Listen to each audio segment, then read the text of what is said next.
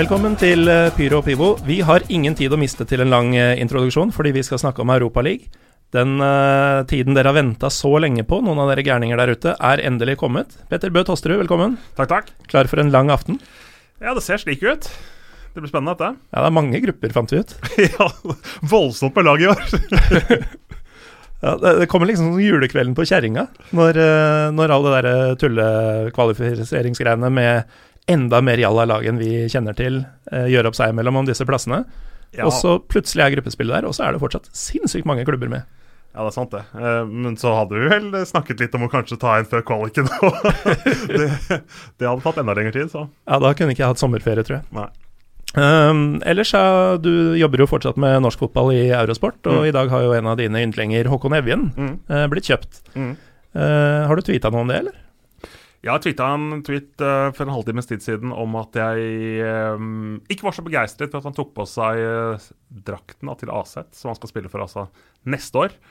Uh, det ble bare litt kok på telefonen akkurat nå i forbindelse med det. Altså Jeg hyller Håkon Evjen, jeg hyller overgangen og alt det der, og syns han er en fantastisk spiller å se på, men jeg syns det var litt unødvendig å ta på seg drakten til en klubb du faktisk ikke spiller for, og ikke jobber for. Og akkurat dette er et uh, synspunkt du brenner for. Dette har jeg hørt ja. deg snakke om før. Ja, faktisk. Jeg, jeg, er nok litt vrang på akkurat dette her, men uh, ja, jeg skjønner at folk i Bodø og hele den pakka der ikke blir lei seg for det. Det er jeg, jeg, som er vrang og vanskelig. Jeg har forstått det nå, basert på de tilbakemeldingene jeg har fått.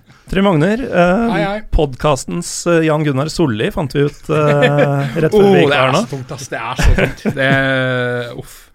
Uh, ja, nei. Er, eh, er, Petter uh, tverr og vanskelig her? Nei, han, han, er konservativ, egentlig. Det er jo det han er, og det, det liker jeg veldig godt. Så jeg, jeg setter pris på det. Uh, apropos verd hva, hva, sa du? Vanskelig og tverr? Tverr, tverr og vanskelig. jeg så, og, og tweets. Jeg har kommet meg ramla inn på Twitter etter hvert, jeg også. prøver å komme meg inn på Instagram òg. Jeg så du la ut en tweet også tidligere i dag, som ikke var direkte fotballrelatert, ja. men som var relatert til idioti. Ja, det er korrekt. Nemlig folk som prøver å gå på Var det T-bane, trikk, buss? Eh, T-bane. Og, og, her har jeg fått fundamentalt motsatte reaksjoner fra det du gjorde for en time siden, Petter. Mm. Folk elsker det jeg har gjort. Ja, for det du kritiserer, er folk som prøver å gå på T-banen, trikken eller bussen før før folk har gått av. Ja, nettopp. Bra. Og det, altså, Jeg er så enig, og vi bor vel i Vi er jo, vi, er, vi, er jo bo, vi bor i byen, byen her alle sammen. Ja, Vi er så engasjert i det. Du åpna akkurat den første ølen. Ja, det veit jo ikke du. Vi møttes for noen minutter siden. Uh, og det jeg, disse menneskene, ass, det er de, de, har, de, har ikke noe sted i samfunnet å, å, å, å gjøre, egentlig. De, de, skulle bare vært kasta ut. Og jeg har funnet én gruppe til, bare for at den gruppa her er ikke snakka ned nok enda. Jeg har funnet en gruppe til som jeg misliker veldig. Og, og, dette er også sånn som vi som bor i, i, i denne store byen, uh, har kjent på.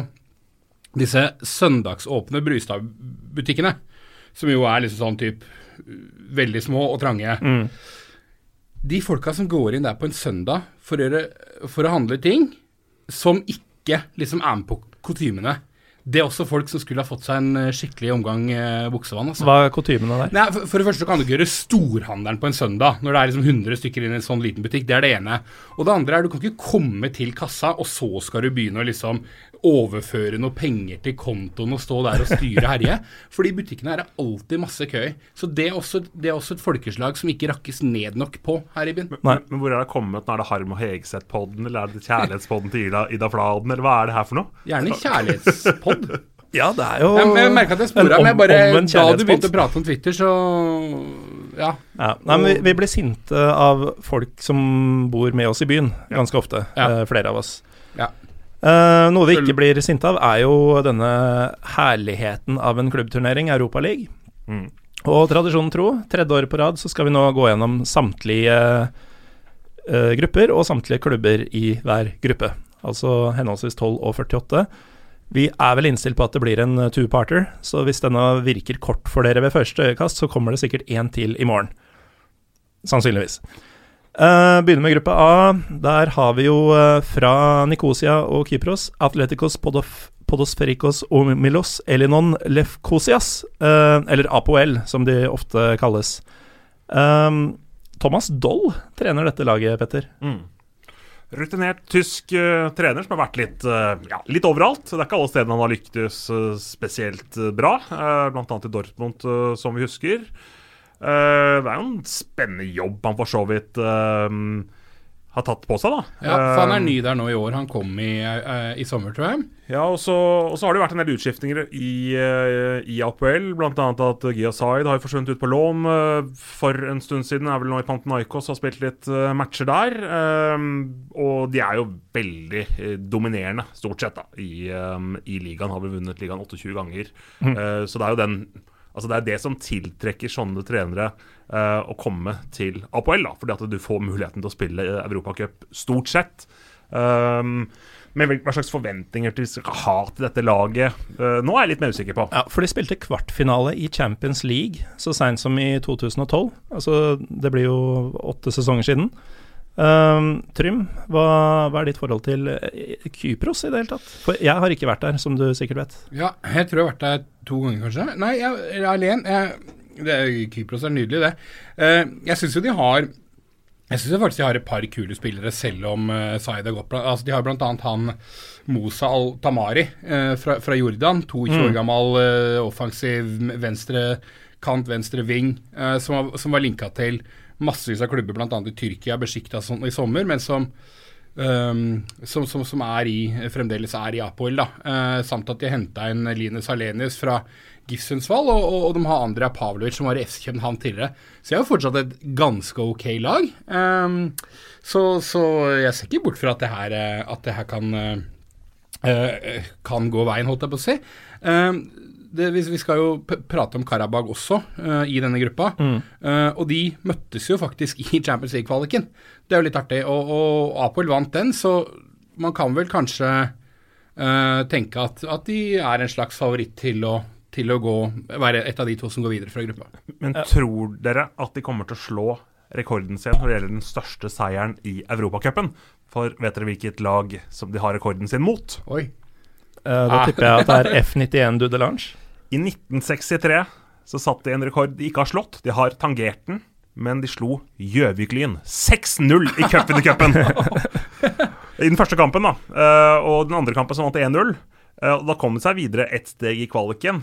Så ble det litt tøft, da, i den, uh, i den neste kvalikrunden. Dette 63-laget 63 var ikke noe superlag, har jeg funnet ut. For de tapte 18-1 mot Sporting i neste kvalikkrunde. Så det er, ikke noe, det er ikke noe lag det er bilde på klubbhuset, eh, for å si det sånn. Og Men, da er det Sporting eh, fra Portugal, ja. og ikke ja. Uh, dette Gjøvik-Lyn-laget må ha vært ræva, altså. Fordi uh, jeg tror uh, pengestrømmen og nivået på kypriotisk fotball per i dag er vesentlig bedre enn det var for 56 år siden. Det er vel rimelig å anta det. uh, så, men jeg syns det er litt gøy, for det er sånn, det føles noen ganger som at omtrent alle norske lag har et eller annet sånn europaeventyr ja, fra en gang ja. i tiden. Man har kvalikkamp da, til cupen i cupen, så det er liksom ikke et, et minieventyr, kan vi ja, si, når du taper 7-0 over to kamper på Tapoel. Ja. Men selv i nyere tid så har jo både um, Follo og Hødd vel Follo fikk vel kanskje ikke noe, det, fordi godset um, var vel ikke god nok i ligaen, kom jeg på. Mm. Glem Follo, men, uh, men Hødd vant jo cupen et år og fikk mm. jo da spille litt Europa. Mm. Aktobe møtte vel de. Unnskyld? Aktobe. Hva er det? Fotballag. Uh, det var jo i Kasakhstan, om jeg ikke tar helt mm, feil. Det høres riktig ut. Og det var jo litt bråk der. Nå skal jeg ikke ta hele den historien der, men det var ikke så lett for verken Akim Latifu, Pål André Helland og Sivert Helte Nilsen å komme seg inn i, der, ja. i, landet. Nå mm. kom vel alle bortsett fra Helte Nilsen inn i landet. Det ble jo Ble nekta visum? Tilfeldigvis de tre beste på laget. Hadde ikke ja, ja. fått godkjenning til å komme inn i landet. ja, den er fin, altså. Ja, det er nydelig. Men uh, Apoel uh, Du sa, Trym, at de sannsynligvis er en av favorittene til å gå videre her.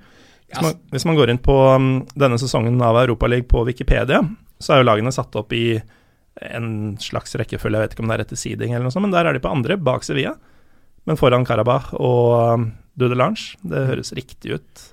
Ja, du kan si at ja, det ville, det, det, det ville ikke overraska meg om det blei om det ble enden på gruppa, at, at, det er i den rekkefølgen. Um, det, jo, det, her er jo mesternes gruppe, egentlig. For det er jo tre, tre av fire lag i, i, uh, i, den gruppa her som vant jo hjemlig serie. Uh, så det er jo litt gøy. Så kan man jo kanskje si at det er litt sånn, litt sånn typisk for hvordan europeisk fotball er nå, at ingen av de da har fått mulighet til å være med i Champions League. Men, men Apel røyk vel da mot Ajax uh, mm, Champions League-kvalik. Tror jeg stemmer. Mm. Og så er det jo da det fjerde laget som er den eneste ikke-mesteren, Sevilla, er jo kjempefavoritt i denne gruppa. Ja, um, ja fordi når vi snakker om mestere og Europaliga, så må Sevilla definitivt kunne, kunne, kunne, være med der. Ja, det er jo den ubestridte Europaligamesteren for nå og all framtid, egentlig.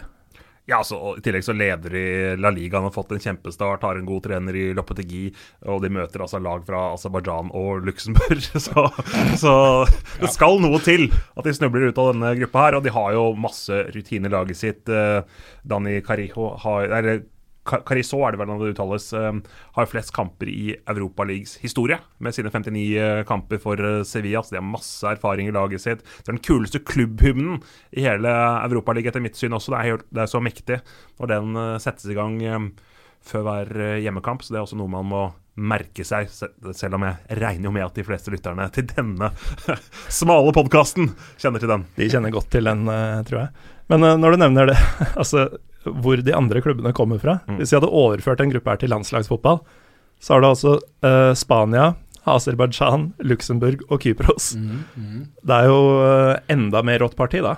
Ja, det mangler nesten bare Norge, på en måte, i, i bånn av Europa, da.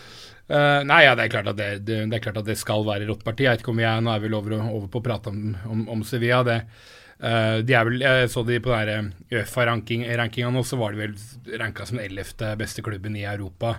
Og det er i stor grad da basert på hva de har gjort i Europacup de siste årene. ikke sant? Så, så det er klart at uh, det, de er både favoritt i gruppa og kanskje en av favorittene til å gå ordentlig langt i turneringa òg. Mm. Uh, også den klubben vi er minst interessert i å prate om av disse fire, ja. sannsynligvis. Um, I andre enden av skalaen og til slutt uh, tabellen, ganske sikkert, har vi da Dudelange, eller F91 fra, ja, fra Luxembourg. Mm. Vi gjorde jo stor eh, ståhei ut av at de var med i fjor, mm. fordi eh, det skal jo ikke et lag fra Luxembourg gjøre. Nå er de med for andre år på rad, eh, Petter?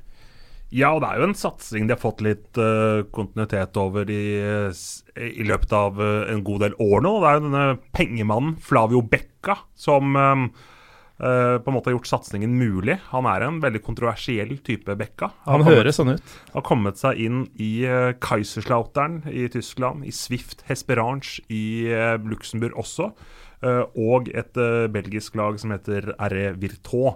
Um, og det han har latt seg inspirere av, er jo Red Bull-modellen. Mm. Okay. Så han ønsker å skape et nytt altså et, et, et, sånn nytt superlag, da. Og man får til det i Tyskland med Kaiserslautern, det får vi se på. For det er jo ikke bare bare å komme inn der og være pengeinvestor og denne 50 pluss 1-regelen og sånne ting. Nå ligger de på nivå 3, så det er litt mm. andre lisenskrav når det gjelder eierskap og diverse ting der. Uh, mens i Belgia er det litt friere. Eller eh, Luxembourg? Uh, nei, men i Belgia, ja, men Vitor-laget. Ja, okay, okay. uh, og han har jo krangla litt og trøbla litt nå med dette Dulange-laget i i Luxembourg fordi at han ikke har fått bygd den nye stadion han kunne tenkt seg. Ja. Uh, mener han blir motarbeidet av uh, styresmakten eller hvem nå det enn er. da. Det er derfor han har blant annet har gått inn i den andre klubben i Luxembourg. Litt sånn 360 fuck you til uh, alle i området der. Så har jo et budsjett da på 3,3 millioner euro. Det laget der er ikke all verdens det, men det er det eneste heltidslaget i Luxembourg, etter hva jeg har forstått. Det er 14 ansatte i hele klubben. Uh, så det er jo da Eller nei, det er ikke 14 ansatte, det er to ansatte. Uh, det er altså banemann som jobber fulltid, og uh, en sånn vaskehjelp-type person, pluss spill, spillerne. og, og, og, tre, og, trener Emilio Ferrara, kanskje? Ja, men treneren aha, Det er også det som er litt sånn spesielt med dette. For treneren, han har jo blitt flyttet over da til dette uh, Virtual-laget i oh, ja i Belgia. Ja. Og han tok med seg seks mann fra uh, Dulange. Ja, for de har, av de som var med og gjorde det ganske bra i fjor, så er det vel nesten altså Av de litt større navnene, så er det vel Daniel, Daniel Sinani er fremdeles med. Mm. Landslagsspiller fra, fra Luxembourg som, som, opprinnelig fra Kosovo. Store navnet Daniel ja, Sinani. Jo, Landslagsspiller for Luxembourg, opprinnelig fra Kosovo. jo, men altså Han øh, øh, altså, for, for, de var jo i Sevilla i, i fjor også, riktignok da ikke mot uh, Sevilla, men Real Betis. og, og Var det der tok en, eneste poeng? Ja, mm. uh, ja, det var kanskje hjemme mot, uh, mot Real Betis. Mm. Og så spilte de for så vidt jevnt også mot AC Milan i gruppa i fjor. Uh, så, så, så Uh, sånn sett så kan man jo si at det kanskje ikke er så overraskende at de er tilbake i år. Men du så dem vel på Malta tidligere i, i sommer, Morten? Jeg, og da imponerte de kanskje ikke så mye? Nei, jeg så da uh, en slags mesterfinale. Det var Champions League-kvalifisering mellom uh, Valletta FC, maltesisk mester, og F91 Døde Lange, mesteren fra Luxembourg. For øvrig mester i Luxembourg for 15. gang, alle gangene siden år 2000. Mm. Så greit balletak de har på nasjonen sin. Um, det var en kamp hvor um, Dette var kamp to, og Valletta hadde klart 2-2 i Luxembourg. Jeg tror de henta opp 2-0, faktisk. Uh, og var en slags favoritt. Uh, I hvert fall følte folk det, da. Folk var fryktelig gira til å komme på et bitte lite stadion i, på Malta på en hverdag og drikke tre euros chisk uh, pils og, og, skrike og høye litt. Og det var en uh, fryktelig dårlig fotballkamp. Altså, det, det, var ikke to mesterlag verdig. Det var litt sånn som jeg ser for meg at Marius Helge og Stefan Haugerud og alle disse breddebanehopperne ser uh, daglig. Ja. Uh, så endte vel kampen 1-1. Jeg ble dessverre tilkalt til en krisesituasjon i mitt virke som språkreiseansatt. Så jeg fikk ikke sett hele andre omgang, jeg måtte dra. Men uh, kampen endte 1-1, og Valletta gikk videre og slo ut Dudelange fra Champions League på bortemål. Så at dette laget har kara seg videre gjennom en ganske hard Europaliga-kvalik, skal vi tro Molde bl.a., så um, det imponerer og, og sjokkerer, egentlig. Men, men, det er jo et spesielt uh, prosjekt da, med han der uh, Bekka, som også har hatt et sykkellag før og har blitt tatt av politiet for diverse uh, finansielle ting som ikke har vært helt uh, tommel opp. Uh, og det er jo Dino Toppmøller da, som hadde dette laget og hadde stor suksess med det. Og i luxemburgsk presse, eller hva, det, hva den heter der borte, så spekuleres det om ja, hvor skal han uh, egentlig jobbe de neste årene. Skal han jobbe i Kaiserslateren, eller hva skal han jobbe i Belgia? Uh, det, er, det, er, det, er, så mye sånn uvisshet rundt uh, det hele. Så historien rundt dette laget er kanskje ikke så romantisk som kanskje det vi hadde sett for oss i utgangspunktet. Nå blir det jo han Emilio Ferrara som skal ta over dette her og ta det videre. men om man kan få det helt opp til himmelen med all usikkerheten som ligger rundt prosjektet i Luxembourg, er jeg litt usikker på. Ja. Samtidig så føles det litt som at et lag fra Luxembourg som i det hele tatt er med i Europaligaen, har på en måte vunnet. da. Ja da. Uh, for jeg vil jo tro at selv med ambisiøs seier som er litt sånn uh, ja, som er en karakter, så vil jeg jo tro at de er, det å i det hele tatt være med i det selskapet her er jo en enorm uh, suksess i seg selv. Definitivt. Ja. Det er det. Og um, i lys av de nye opplysningene fra Petter om at dette egentlig er en ganske fæl klubb, så passer det godt å nevne at uh, logoen er så stygg som uh, noe jeg har sett. Um, den er aldeles fryktelig. Okay. Og, og kler da et uh, litt sånn uggent prosjekt, som det viser seg å være, uh, ganske godt. Apropos uggent, vi har jo et lag uh, som stadig spiller utenlands når de er på hjemmebane. Kar ja. Karabakh. Gutta dine. Ja, ja, de, de, de vant jammen meg Aserbajdsjan igjen, de. ja, Rart med det. Ja, utrolig nok. Hva skjedde med Nefci Baku og gutta, liksom? Nei, det kan man lure på. Um, fortsatt Gurban Gurbanov, vår favoritt, som mm. er trener. Men han har ikke landslaget også, eller i tillegg lenger. Så nå har han kun fokus på Karabag, og da må det jo bli enda bedre enn det har vært tidligere. Han er så legende, han. Ja. Altså, han er mestskårende gjennom tidene på landslaget. Mm. Jeg er ganske sikker på at jeg så han på Ullevål mot Norge i 1996. Okay, ja. um, men han tok da over laget i 2008, og femteplass har de hatt én gang. Det var det første året hans. Mm. Det er det dårligste de har hatt siden. Nå har de seks strake gull, og som du nevner, trente landslaget samtidig en periode. Ja. Er vanskelig å toppe, ass. Jeg ser for meg Hvis han ringer og bestiller et bord på en restaurant i, i området der, sånn, så klarer de nok stort sett å ordne det. Uh, han, han, har nok en ganske heftig status, uh, godeste Gurbanov. Uh, men de har jo også henta, de har også henta inn De har jo Asmir Begovic, din, din, gode venn fra Bournemouth, Morten. Ja, fin fyr. Ja. Det, det, er merkelig hvordan de klarer å tiltrekke seg sånne typer ja. år etter år. Ja. Begovic er fremdeles en god keeper, da. Ja, og som keeper så kan de holde på lenge i Antageligvis litt mer i gjeve ligaer enn en Aserbajdsjan, men eh. Men kommer han til å score igjen? Det er det vi sitter og lurer på. Han har vel fremdeles uh, rekorden i Premier League for å score fra lengst uh, hold, på 91,9 uh, meters hold. Det var Southampton Stoke. Ja. Mm. Tilbake da til 2013. Men det er jo litt sånn eh, De har jo lånt en fyr fra Bournemouth, altså Premier League, og det, Asmir Begovic er jo en navngjetten type. Han var jo mm. Eh, Jeg husker i Stoke så var det jo en periode hvor han var linka til sånn Manchester United, da de fortsatt var et Premier League-lag osv. Uh, og så har de Ailton, som er lånt fra Stuttgart, som for så vidt er på andre nivå i Tyskland nå, men det er jo en svær klubb. Mm. Og at jeg ser for meg at andre lag også har vært i kø for å, for å låne både Begovic og Ailton på et ja. tidspunkt. Men, men, det er ikke noe tvil om at, eh, at, de har jo gått med penger, og det, det gjør jo at de har den kombinasjonen at de klarer å tiltrekke seg en del store navn, samtidig som de jo har tilgang på de største talentene og de beste spillerne lokalt i Aserbajdsjan. Det var en spiss som heter noe sånt som Mahir Emreli eller noe sånt, som, som, som, som, var toppskårer i ligaen i fjor, som bare er 22 år gammel og spennende spiller.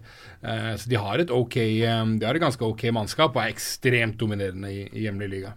Ekstremt. Hvor, eh, hvor ekstremt da? Uh, om, spør du meg nå om jeg husker uh, hvordan tabellen i Aserbajdsjan er sånn på nåværende tidspunkt? Nøyaktig antall ligagull og Ja, nei, det, det, tror jeg faktisk ikke jeg har i hodet, men uh, server det gjerne hvis nei. du har noe foran der. De har vunnet de siste seks, samt 1993. Ja, ok. Mm. Så vært gode de siste seks årene, da. Men det er jo Vi har jo vi har snakka om det på, i studio her tidligere. Um, denne historien deres, uh, at de ikke spiller på hjemmebane og sånne ting. Men, uh, og det gjør jo at de har en voldsom støtte. De trakk 67 000 fans eh, på, på stadion da de møtte Roma i, i CL for et par år siden også, så, så det, er, det, er, jo liksom hele landets lag, dette her. Mm.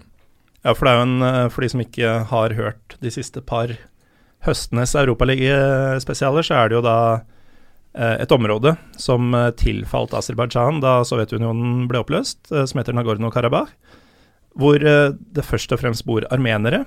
Armenia gikk da til krig mot Aserbajdsjan og uh, tok over deler av dette området. Uh, til en dag i dag, siden 1994, så er faktisk konflikten fortsatt uh, i live. Det er en våpenhvile hvor det fortsatt løsner skudd omtrent daglig i 25 år, og Karabakh måtte jo da flytte derfra og til ja, me, me, mer suverene aserbajdsjanske områder. Um, og med det så er vi vel ferdig med gruppa A, faktisk. Ja, vi var vel enige om uh, plasseringen der òg, ikke Ja, Sevilla og Apoel er videre der. Ja, jeg tror det. Ja.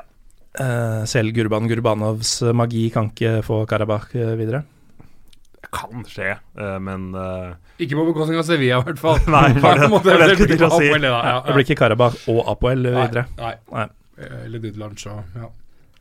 Yes. Um, gruppe B, der har vi jo et par uh, klubber som vi sikkert kommer til å snakke en del om, så vi kan starte med den, uh, for meg i hvert fall, minst sexy, og det er uh, Lugano. Fra Tryms favorittliga, den sveitsiske. Ja. De var også med for to år siden, så vi har vært innom dem før. Um, men da var vi så opptatt av at det var et ølderby mellom Hapoel Ber Skjeva og Victoria Pilsen og det at FC, FC SB var med i gruppa, at jeg tror vi, eh, vi la vel ikke merke til dem helt. Eh, hva veit vi egentlig om Lugano Trym? Altså, dette er jo også en av de der eh, Jeg følger mange av de klubbene i, i både Sveits og Østerrike der som relativt nylig har gått konkurs eller vært noen runder nede og så kommet seg opp igjen. De gikk konkurs i 2003, og så dukka de opp igjen i Sveitsisk toppliga tror jeg, i 2015-16-sesongen eller noe sånt. rundt der sånn. Og så var de da eh, du sier at de var med i fjor, eller om de var med i for, forfjor. For, forfjor. Ja, forfjor, mm. ja, nettopp. For i fjor var de da ikke med, kanskje, nei. Um, ja, hva vet man? De har jo, de har jo um, de har en klubblegende, en, en, en uh, offensiv midtbanespiller fra Uruguay som heter noe sånt som Jonathan Sabatini, som har mm. vært med på hele den reisen fra de var da på nivå to og, og, og helt til Europa, da, som er liksom en enorm enorm stjernelegende Legende der. sånn. Utover det så skal jeg jo skal ikke påberope meg at Lugano er et lag jeg ser sånn jevnlig. Det er det ikke. Men de uh, har en angriper som heter Philip Hollender. Ja. Og gjett hvor han er fra. Ungarn. Ja, dessverre. ja. men, men, det er jo ikke først og fremst fotball man tenker på når man tenker på Lugano. Ja. Uh, hockey, som du sier, uh, det er faktisk den byen som hadde første Eurovision uh, tilbake i 1956. ja, det er det jeg også tenker. ja, det tenker jeg mange lytterne bare. Men for å ta en fotballfunfact, da.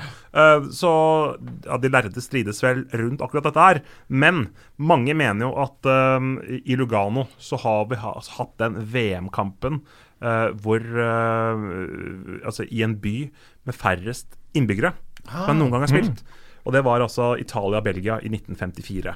Men det er det sikkert folk som kan protestere på og sånn, fordi man sitter jo med forskjellige statistikker og sånne ting. Men Lugano som by er i hvert fall opptatt av det at de er den byen.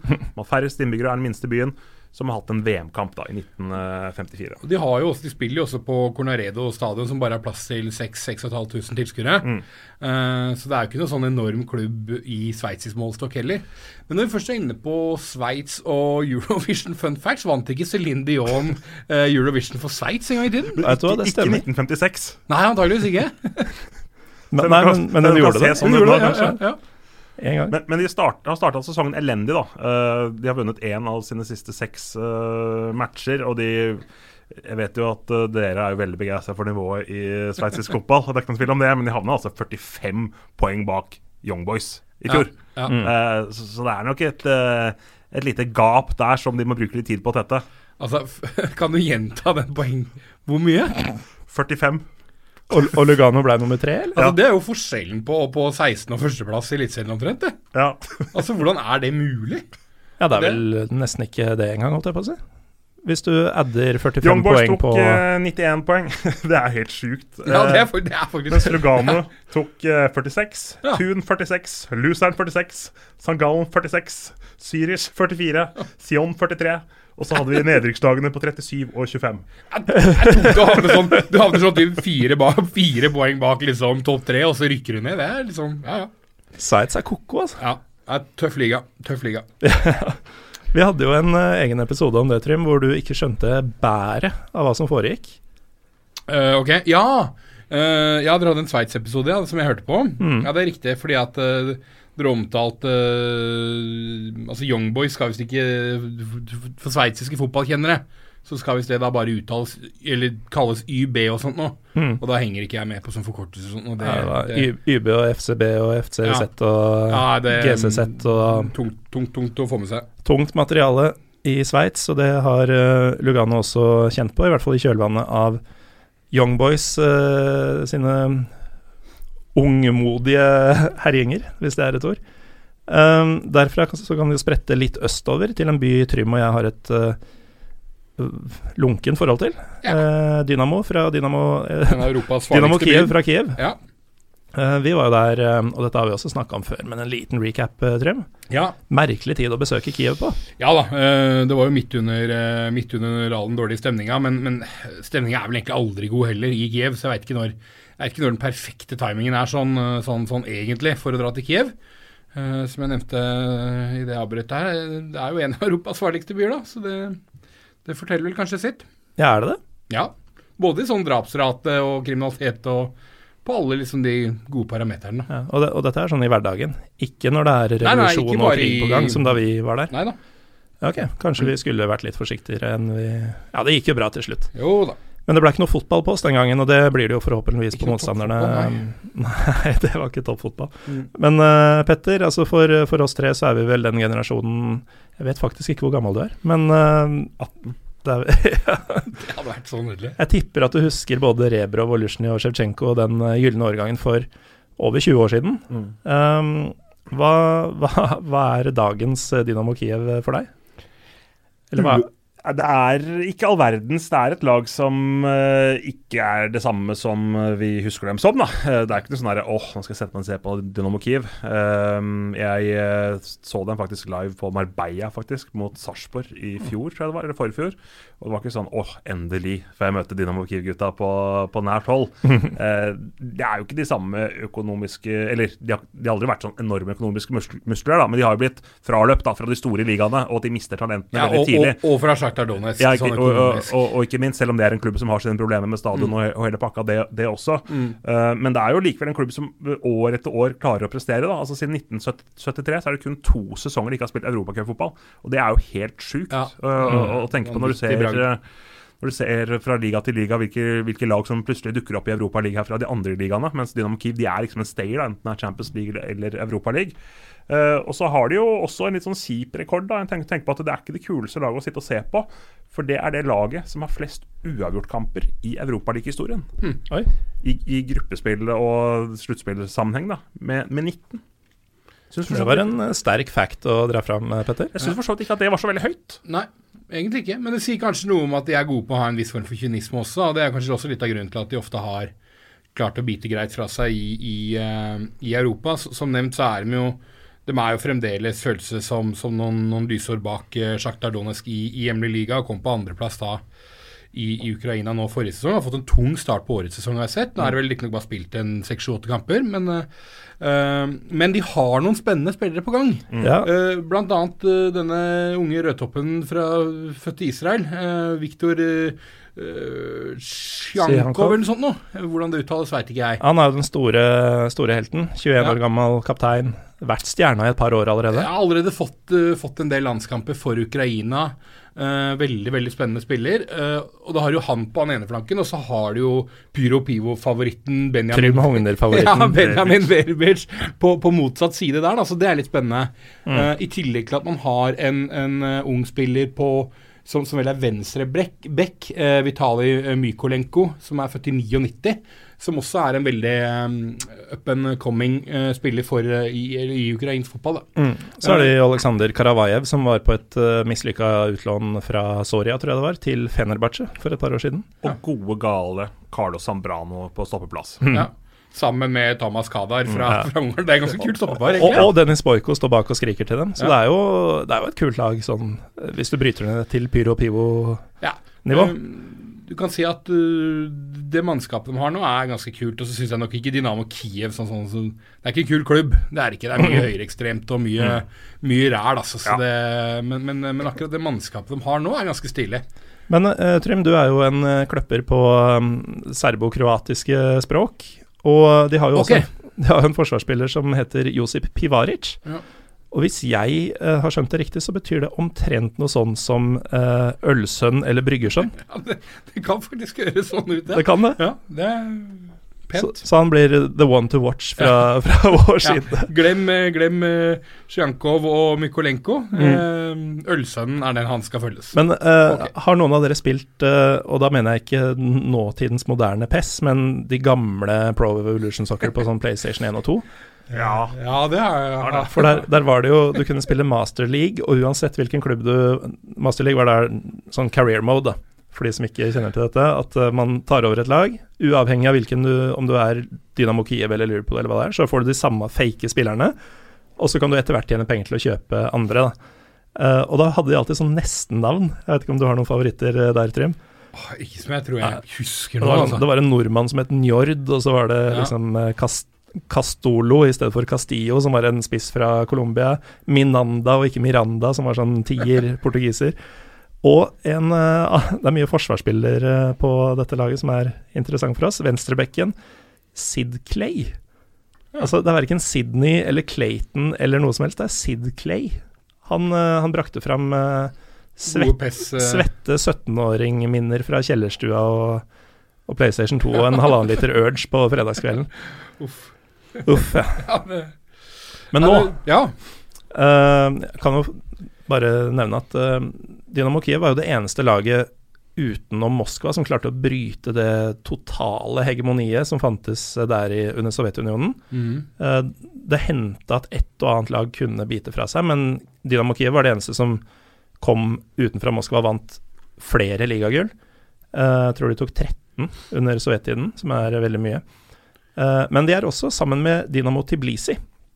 Og da ingen av de russiske fikk til dette uh, Eneste sovjetiske laget som vant en internasjonal tittel. De har tre, uh, hvorav to av dem var cupvinnercuper.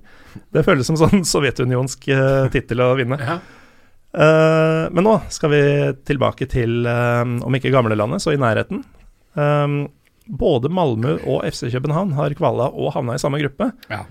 Her er det kort reisevei her. Ja, det er ja, jeg vet ikke. Jeg, jeg vet faktisk ikke Det hadde ikke forundra meg om dere to, en av dere hadde hatt noen fun facts på det, men jeg vil jo tro at det var blant de to klubbene fra to forskjellige land som noensinne Altså Som har vært med i Som er nærmest hverandre? Jeg vil jo tro det. Det som i hvert fall er sikkert, er at Malmö har ikke noe kortere vei til noe allsvenskan-kamp den sesongen enn de har i Europacupen mot eh, FCK. Det er 43 km mellom Malmö og FC København, og så er det 73 km mellom Malmö og Helsingborg. Så, så det, er, det er faktisk nærmere enn Helsingborg, ja. det er en kortere tur å stikke på europacupkamp enn å stikke på en allsvenskan-kamp når du skal følge på bortebane. Ja, det er stilig. Så er det jo det er klart at for Morten og meg så er det jo, det er jo to Lillestrøm-trenere her også to Lillestrøm-gutter som, som, som, har vært sitt lag. Eh, så det gjør jo liksom sånn ekstra sexy for, for, for, mitt vedkommende. Det er klart at de matchene mellom Nå er vi både på Malmö og København her, da, men de, de matchene mellom de to, eh, det gleder jeg meg veldig til. Altså, mm. Både med tanke på tribunekok og, eh, og faktisk banespill også. Mm. Eh, nå vet jeg ikke hvem av disse her du ville at vi skulle begynne å, å, å, prate om, eller om du la opp til det, eller om du Vi, vi kan jo blande dem. Det er jo, det er jo oppgjøret som er fett her. Ja, det er, det er, det er jo det.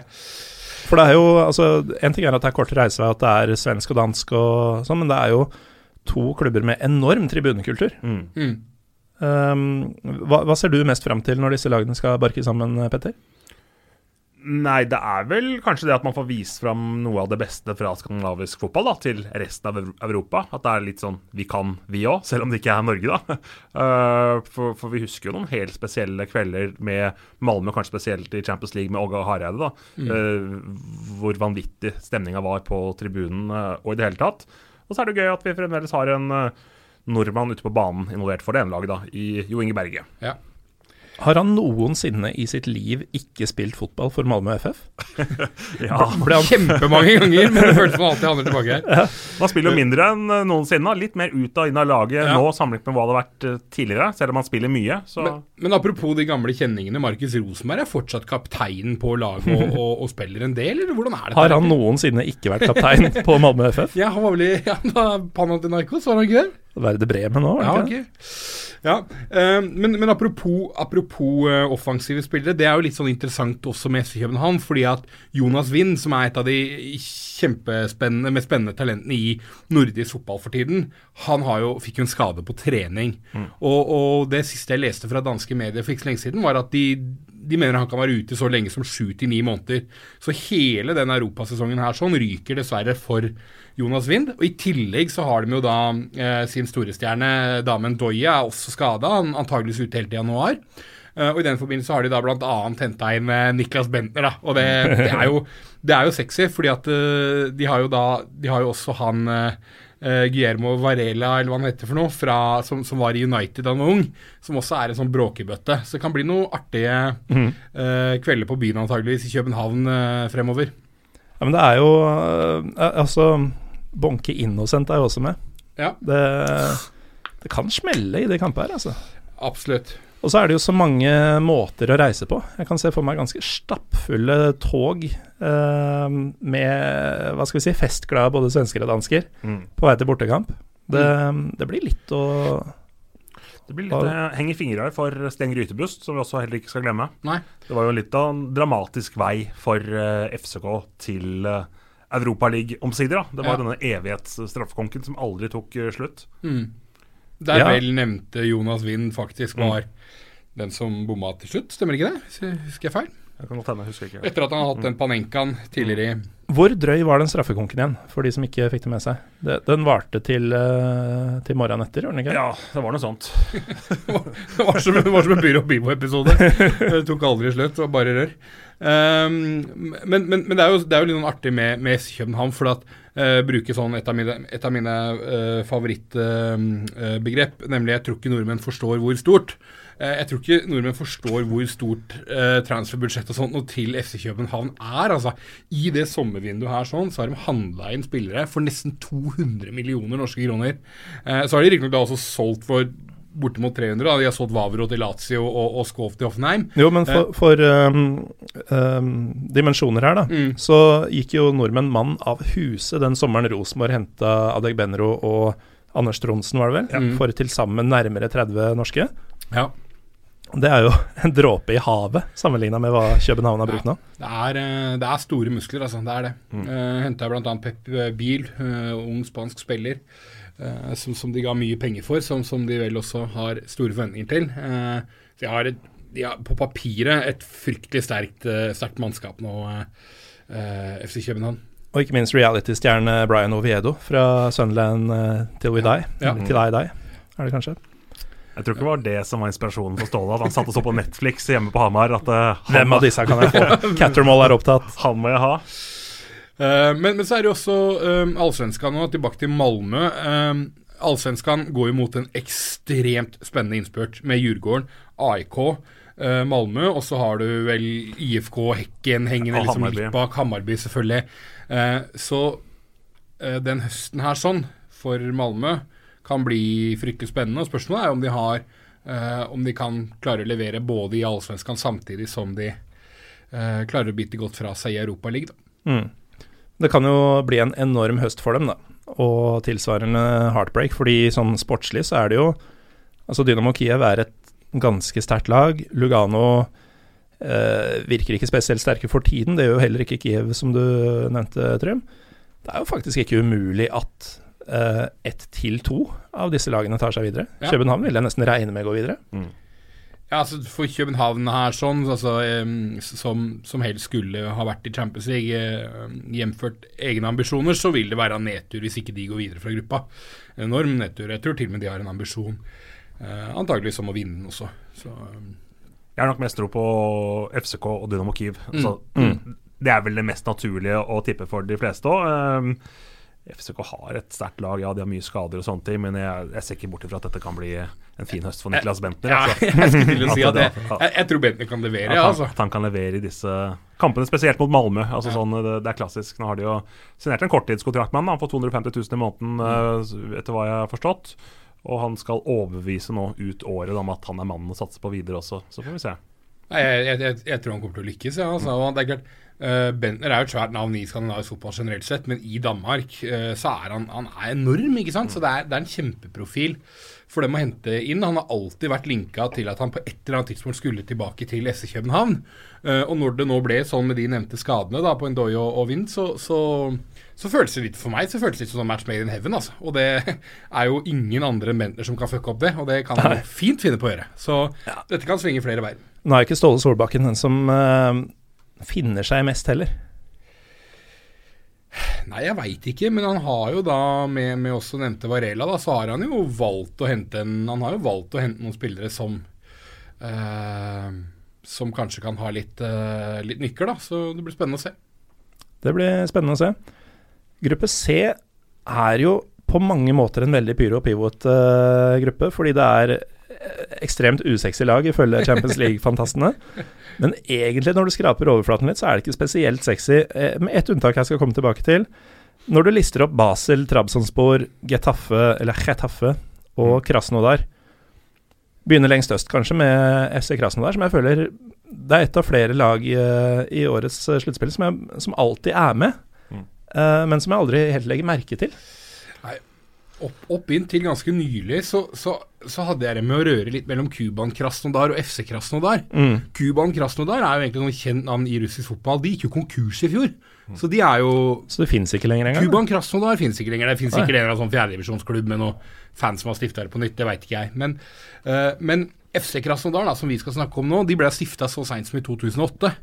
Uh, og eies jo selvfølgelig av en sånn type oligark. uh, men, men, som du sier, Morten, de har vært med nå flere ganger. I fjor så slo de ut uh, De gikk jo videre fra gruppa, slo ut Bayer Leverkosen. Og spilte ganske jevnt over to matcher mot Valencia. Så mm. det er jo grunn til å tro at dette her vil være et bra lag også i år. Ja, og så er det jo også en by, selv om kanskje de, vi tenker ikke på at Krasnodar er noen fotballby og sånn, men det er faktisk en enorm lidenskap for fotball der. Ja. Og jeg husker jo også i forbindelse med da Russland fikk VM i 2018 så var Krasnodar en av byene som liksom søkte som, altså, som, mm. hadde, som, som, skulle være vertsby. da, Så ble det fjerna fra lista mm. i siste liten, fordi de skulle kutte ned til ni byer eller åtte byer, eller hvor mange det endte med. da, Og de er jo så fly forbanna for det den dag i dag. da, mm. For at Krasnodar liksom ble oversett. Det er jo faktisk en av Russlands mest voksne byer også, øh, sammenlignet med størrelsen sin. da, så, så er det er en veldig kul stadion også. Ja, og den er jo flunkende ny, da, selvfølgelig. Ja. 35 000 uh, i kapasitet. Jeg syns alltid det er litt uh, spennende når du nevner uh, oligarker. Når du har Sergej Galitskij, heter han i dette tilfellet. Når du har samme eier og styreformann, da er det alltid litt sånn Da er det ordning. da, Da er det bare å lene seg tilbake og kose seg. Ja, men jeg, ellers så har de jo De har jo ganske mange nordiske spillere. Viktor ja. Claesson er jo en av de Veldig glad i nordiske. Hadde vel Stefan Strandberg også Ja, eh, men litt tilbake. På å si Med mindre han var i Cuba, Krasno der. eh, han var det ikke det. Men, eh, men det er Viktor Claesson er jo storstjerna, men han er også skada nå. Eh, og, de, eh, og, antakeligvis ut helt til januar, så han går glipp av deler av eh, eh, høsten, eller antakeligvis hele høsten. Og de sliter visst med flere andre skader også, så det kan, kan kanskje være litt problematisk for dem nå. Mm. Mm. Men det er jo da tre uh, svensker. Markus Berg er der, uh, mm. Petter.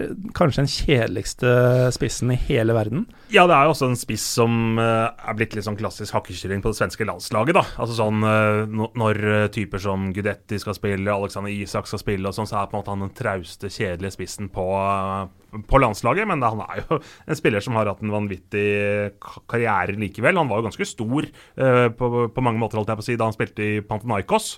Uh, og Da bøtta han jo inn og hadde ganske bra mm. målsnitt i den perioden der. Jeg vet ikke om det er eh, den samme schwungen han har fått på karrieren nå etter at han dro til eh, russisk fotball, for han var jo i Al-Ain før uh, han kom til uh, russisk fotball, og det er vel naturlig å tro at det ikke er det samme nivået på fotballen der.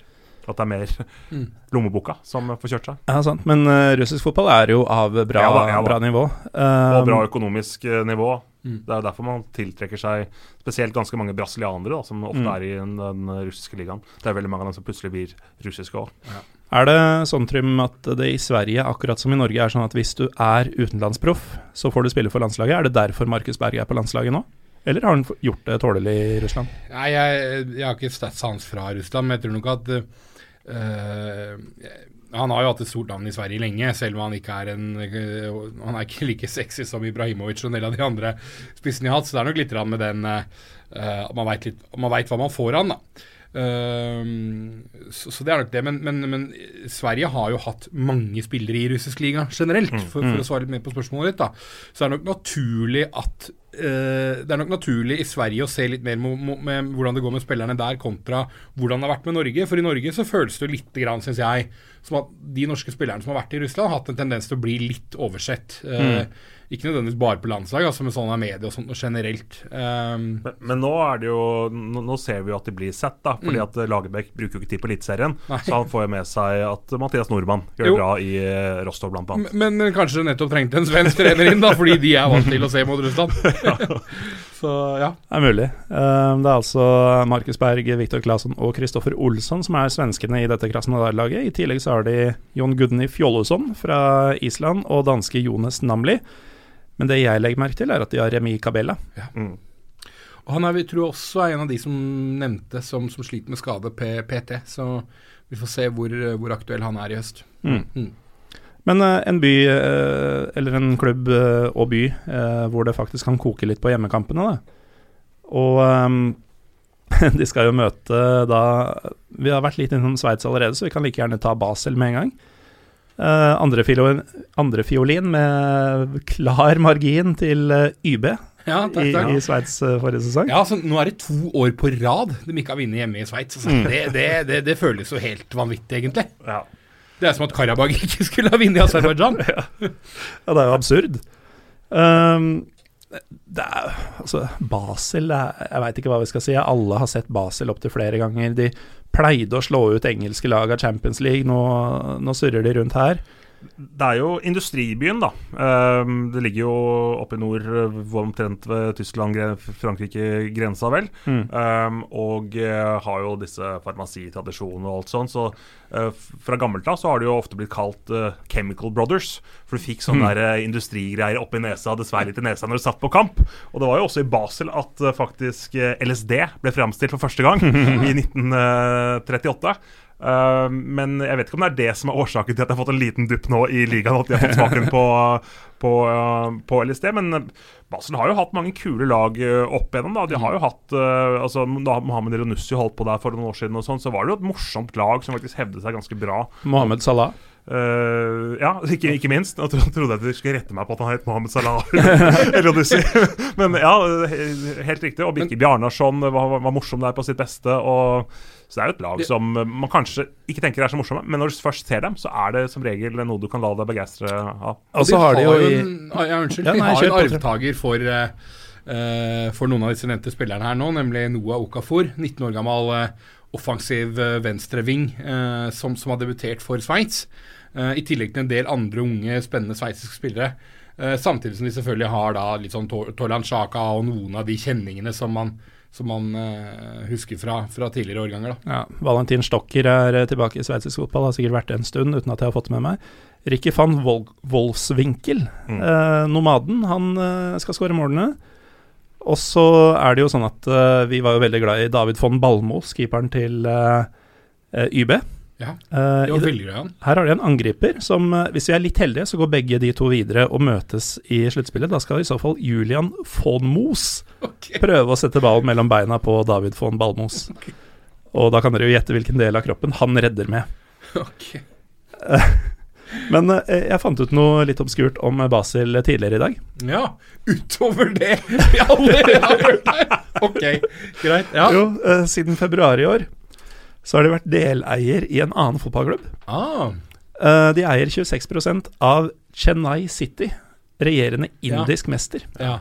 Uh, og det er jo faktisk den eh, tullete superligaen i India mm. som har ødelagt for de tradisjonsrike, fete laga som Hun Bagan og sånt noe. Uh, jo, men ikke sant? Jo. Uh, og det er jo samme Atletico Madrid også, har hatt eierandel, eller eid hele Atletico Kolkata.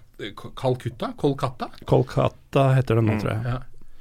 Altså sånn steder hvor de skal bytte navn hele tida, på, på byer. Men de, de, gjør det hele tida. Ja. Det er ikke noe som heter Bombay heller. Nei. Har ikke vært på evigheter. Men det er en digresjon. Vi kommer til en by som også skal bytte navn, for å si det sånn. Ja, de ja, det er sant, faktisk. Ja. ja får, Å, den gleder jeg meg til. Det er vel i siste gruppa. Ja. Så folk får ikke høre det før i morgen. Holder Holde i spenning her nå. ja, vi tar det som siste laget i den siste gruppa i neste episode, som kommer i morgen. Mm. Um, det var Krasnodar og Basel. Trabzonspor. Ja. Det er vel en klubb som du har et, eh, et, et ønske om å snakke om? Ja, det, det er litt sånn pussig. Nå har vel Tyrkia med tre lag i årets uh, gruppespill. Og jeg er jo Fenerbahçe-fan, og Besjiktas er det av de tre lagene som jeg liker absolutt best. Sånn med klar margin. Uh, Trabzonspor er jo da en av verdens aller verste klubber. Ja. Og det baserer, det jeg, på, ja, det baserer jeg på reaksjonen som de uh, fortsatt holder i live for at de mista seriemesterskapet til Fenerbahçe i 2011. Uh, eh, en sesong som mange sikkert husker ble prega av uh, påstander om uh, kampfiksing. Noe som gjorde at Fenerbahçe ble utestengt fra europeiske turneringer litt sånn av og på i flere år mens ting pågikk. Uh, Trabzon har jo da alltid hevda at dette er deres tittel, og den skal vi ha. så har de tapt den kampen først i Fotballforbundet, så i rettsvesenet hjemme så har de tatt det til CAS, denne internasjonale idrettsdomstolen. Og det blir jo liksom siste instans da, på sånne ting som dette, hvis du ikke skal ta til menneskerettighetsdomstolen, men det tror jeg ikke de, den tipper jeg vil bli avvist. Og nå var det så seint som i uh, august, tror jeg, juli-august, altså nå i sommer, at CAS også avviste denne påstanden. Det har ikke vært uh, kampfiksing, eller i hvert fall ikke bevis nok på denne kampfiksinga. Beviser var jo det det ikke skulle mangle på, ifølge tyrkiske uh, myndigheter og, eh, og, medier. Men eh, nå er det da kommet en ende på denne sagaen. Uh, Fenerbahçe er uh, i anførselstegn rett og rimelig seriemester 2011. Ferdig snakka. Gratulerer, Morten. Takk. ja. mm. uh, men i mellomtiden ja. så har jo Trabzon vært udyr. Altså, okay. det, det, er hver eneste gang disse lagene møtes, uansett hvem som trener dem, hvem som spilte Altså, det er jo ingen som er igjen fra 2011 på noen av lagene, tror jeg. Muligens Emre, nå som han er tilbake i Fenerbahçe. Men uh, det blir et helvetes kaos på banen hver gang, som jo egentlig bare er gøy. Men det som er greia, er at det har vært farlig for Fenerbahçe å spille borte der. Altså, Nå mener jeg ikke at supporterne blir angrepet og sånn, for de får ikke dra. Men det, var, eh, det, har vært flere hendelser hvor det har vært storming av banen, kasting av gjenstander. Eh, kampen har blitt avbrutt flere ganger fordi det har vært farlig for bortelaget. Satt til hjemmeseier Nei, borteseier, mener jeg. Eh, men så toppa det seg da etter en eh, kamp for et par år siden hvor eh, Fenerbahçe hadde spilt borte mot Risespor. De hadde ikke vært i Trabzon. Dvs. Si, Riise har ikke en egen flyplass, og nærmeste flyplass ligger i Trabzon. Så de måtte bruke den flyplassen for å komme inn og ut. Og på vei tilbake fra denne bortekampen til flyplassen, så kjører en, husker ikke om det var bil eller motorsykkel, opp på siden av spillerbussen på en bru på motorveien, og skyter sjåføren ja. i et åpenbart attentatforsøk på hele laget. Og det igjen, da, flere år etter Sånn Togo-tendenser, det. ja, Afrikamesterskapet. Ja. ja. ja, men er det ikke helt sjukt? Mm. Um, jo, det, det, er, det er jo selvfølgelig den aller drøyeste greia, men, men, de har ikke hatt noe sånn Det har ikke vært noe sånn her at uh, i kjølvannet av den så bare Ok, nå har det gått for langt, nå må vi roe ned gemyttene. Mm. Det er bare sånn Dette mesterskapet er vårt, dere juksa. Mm. Vi skal ha det. Ja. Og får vi det ikke, så skal dere dø. Men Men nå har de Alexander Sørloth. Ja, det har de. De har José Sosa, eh, og de har pene drakter. De har veldig pene drakter. De har faktisk Inspirert av å knabbe dem av Aston Villa. Ja, for nei. det er farve... Ok, nei, ja. Knabba fra Pyro Pivo-skjerfet, som vi selger på pyropivo.com. eh, men, eh, men, de hadde jo denne her virale videoen tidligere i år med denne draktlanseringen. Denne oh, ja, kiden den, uh, som var oppe ja. i fjellene og ikke hadde råd til drakt, og så sydde bestemor en, en, en drakt. Uh, men for, for, meg så er jo Trabzonspor et av de der erketypiske tyrkiske lagene mm. som alltid underpresterer maks i Europa. De ja. røyk for FK Rabot, uh, Rabotnitsjki for et par år siden. Uh, det er jævlig tungt. Uh, de spilte også jevnt mot Differdange, så det er liksom, dette her er en klubb som, som fort kan gjøre skam på tyrkisk ja. fotball. Og Differdange er jo da uh, et lag som ligger bak Dudelange i, i det luxemburgske systemet. Så ja. det det, det sier en del. Uh, og så er det jo et lag som uh, notorisk ikke betaler de norske spillerne sine. Da. Nå Nei. virker det som Sørloth uh, trives foreløpig, skårer en del mål og spiller bra. Mm. men Rune Lange for eksempel, hadde jo ikke noe hyggelig opplevelse der. Nei, uten at det er helt ferskt, Morten, men, men, men, jeg liker at du drar opp det du har på dem. Altså, men det, er noe, det, er, det, husker jeg faktisk, det er noen fantastiske historier fra Rune Lange da han var der. Og han, han, fikk jo ikke betalt, ikke sant. Nei. Og til slutt, og det her var på den tida hvor liksom tyrkisk lire var omtrent uh, uh, Altså fikk uh, Mosambik-pengene til å Mosambik-dollar til å altså, altså inflasjonen var jo bare gjennom taket. Så til slutt, når han endelig fikk betalt, så var det i bæreposer, altså som plastikkposer, hvor han bare fikk en hel haug med poser av penger. Og så, og så, var det liksom betalinga som, som hadde uteblitt. da. Han måtte vente i åtte år på lønnen sin. Oh. Tenk dere det, folkens. Nå, sitter, nå jobber alle de som er ute og jobber nå. Mm. Vent åtte år på den ja. lønna du jobber for nå. Ja, tenk det. Men uh, jeg, kan kanskje Altså, de har Alexander Sørloth som virker å trives foreløpig. Jeg har ikke sett noen intervjuer og sånn om livet i Trabzon ennå, uh, men det er visstnok en ganske kul by. Ligger veldig nær uh, Eller forholdsvis nær grensa til Georgia, blant annet, så man vet jo at det er Uh, og i nærheten av fjeller. Det er ganske pent der. Det er et uh, gammelt kloster i fjellskrenten som er uh, Jeg har ikke vært der selv, men det, det, er helt vanvittig å se videoer av det, i hvert fall. Ja. Um, og så er de faktisk en ganske bra talentfabrikk etter hvert. Nå har de um, i mål Urjan Chaker, som debuterte for tyrkiske landslaget nå i 2019. De har Abdulkader Ömer som også debuterte for landslaget i 2019. Kantspiller, offensiv midtbanespiller.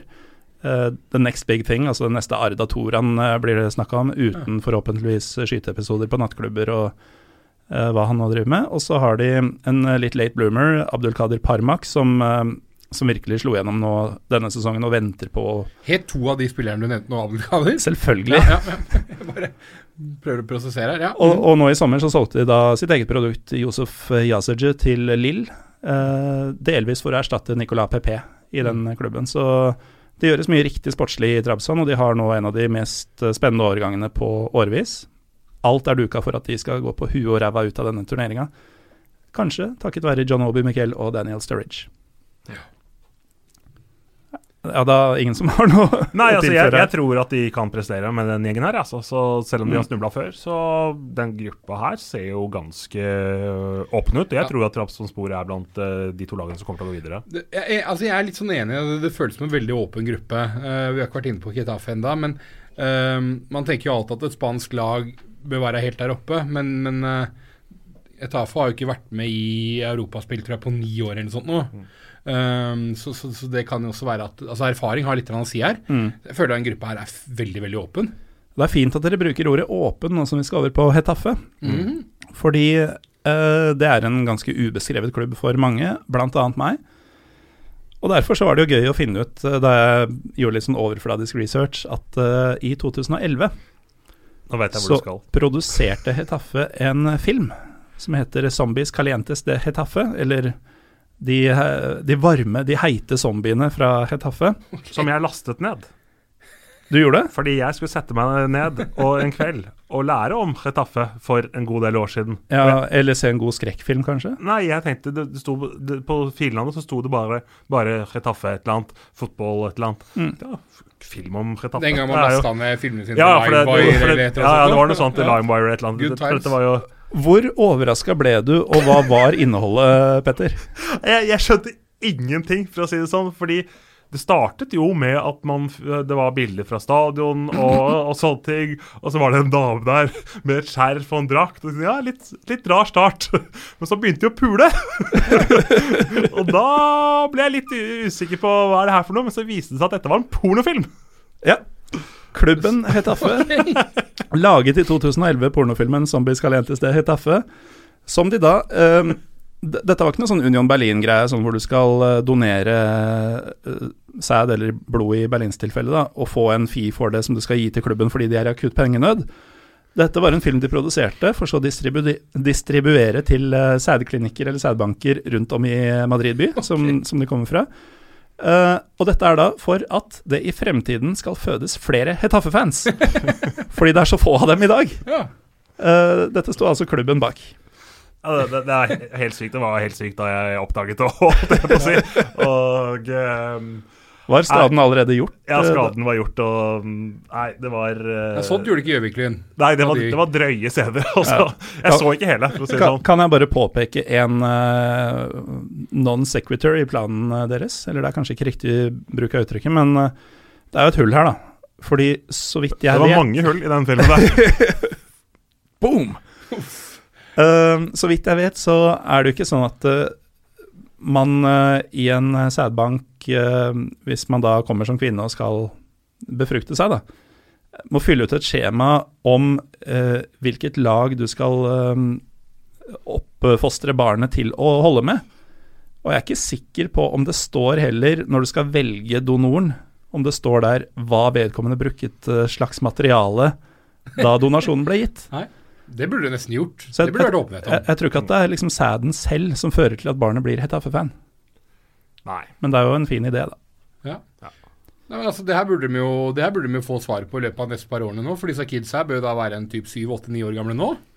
Uh, ja, gamle, om du har sett en sånn insurgence ja. i juniorfans? Hvis vi ser litt at juniorklubben har litt mer enn nå enn tidligere i år, så kan det jo være at det faktisk hadde noe for seg. Men, så resultatene kommer vel i disse dager, vil jeg jo tro. Men, men, det er mye rart med denne klubben her. Da. Ja, det er en ja. flott klubb for all del, ligger ikke så langt utafor eh, Madrid på kartet og alt det der. Men altså, arenaen deres heter jo Colosseum Alfonso Perez. Uh, den er oppkalt etter Alfonso Perez, han kommer jo fra Retafe. Han Alfonso Perez? Han som var med å sende Norge ut av eh, Eller bortsett fra at Norge gjorde det selv, da. Gruppespill i EM 2000.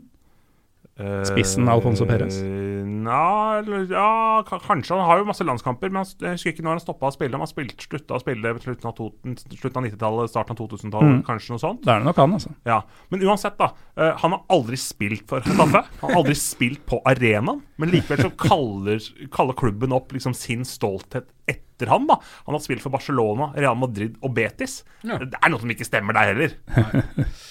Ja, men, sikkert en viktig figur men, i, i sånn. Jeg kjenner jo ikke det inngående. Men jeg også har inntrykk av at dette er litt sånn raringklubb. Hvis, hvis, jeg, hvis ikke jeg husker feil, så hadde de vel noe Jeg tror de var sponsa av Burger King for noen år siden. Så jo, det tror jeg stemmer. Så hadde de Burger King-logoen på, på, på, foran på drakta, altså sånn på brystet der hvor man har sponsorlogoen. Men på innsiden så hadde de da sånn sublimertprinta uh, han uh, maskoten til Burger King, altså han kongen, så at når man skårte, så dro man trøya over hodet, og da var det da det ansiktet til, til til uh, eh, Mr. Burger King himself, -hmm. da.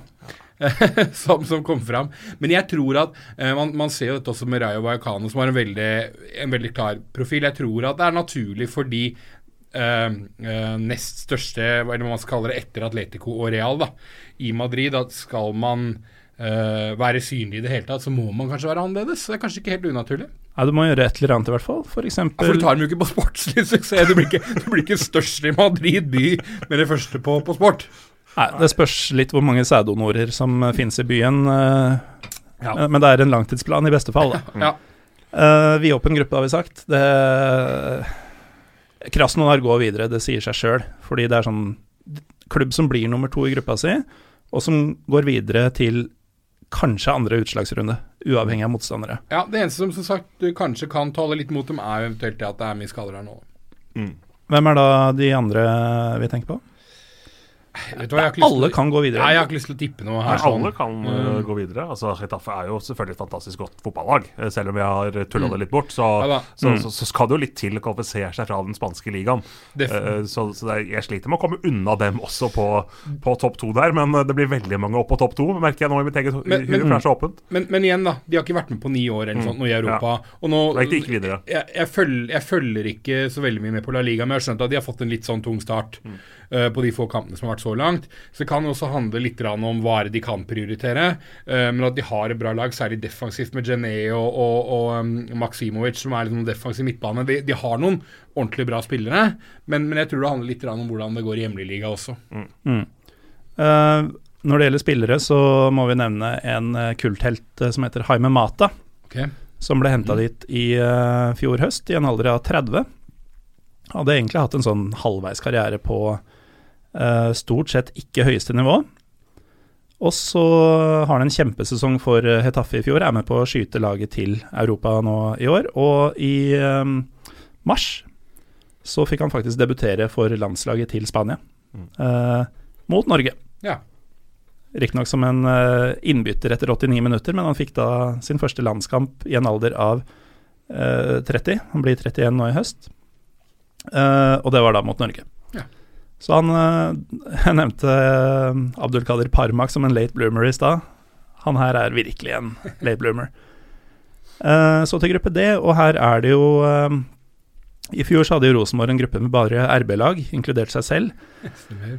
Nå er de det eneste RB-laget, og de har med seg Lask, PSV og Sporting. Hvor vil du begynne, Petter? Jeg har lyst til å begynne på PSV. Ok for de gjør det så bra um, om dagen. Man tenkte jo da de spilte mot Haugesund Oi, er disse gutta så gode? Mm. Um, men samtidig så var nok det uh, Altså så handlet nok det først og fremst om at Haugesund er i sin sesong og mm. er i mm. sin antatt beste form akkurat da. Mens uh, PSV lå, altså, ha et litt sånn annet løp da, med tanke på høst, vår og sesong og alt sånt. Men nå topper de jo sammen med Ajax og hadde jo en fantastisk kamp nå i helgen hvor uh, Daniel Malen, eller hvordan det uttales, uh, mm. fikset 5-0 uh, mot uh, Fites, hvor han skårte alle målene. Virkelig virkelig det. og dette er sånn, Man tenkte ok, nå er det krise, for nå, nå røyk omsider Hirving Lozano. Hva har de igjen offensivt ja. nå? Det er masse folk man ikke har hørt om. Men er ikke det her, er ikke det her erketypisk nederlandsk? At jo. spillere putter fem og seks og sju mål i en kamp? Mm. Det er jo ingen andre ligaer uansett nivå ja, ja. hvor man ser det greiene der. Man ser det i Nederland.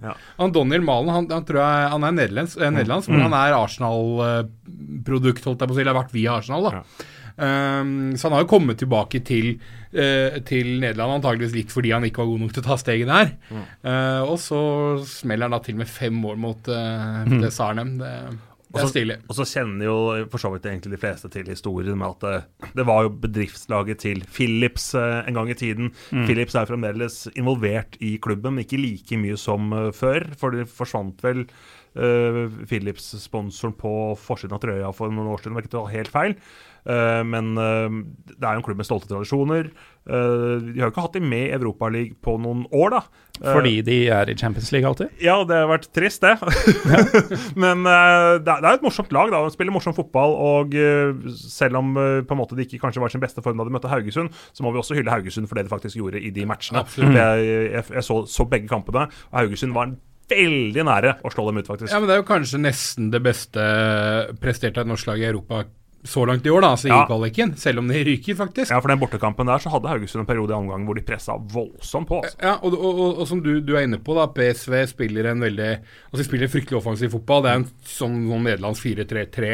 De skårer fryktelig mye mål. Så Haugesund er omtrent det eneste laget som over to kamper ikke har sluppet inn en hel haug med mål, faktisk, mot, mot uh, PSV. Mm. Uh, så jeg tror at det blir et veldig veldig morsomt lag å, uh, mm. å følge. De har jo og det er også typisk nederlandsk. De har masse, eller masse, de har i hvert fall flere spennende spillere i sånn type 21 til 23-24-25 års alder.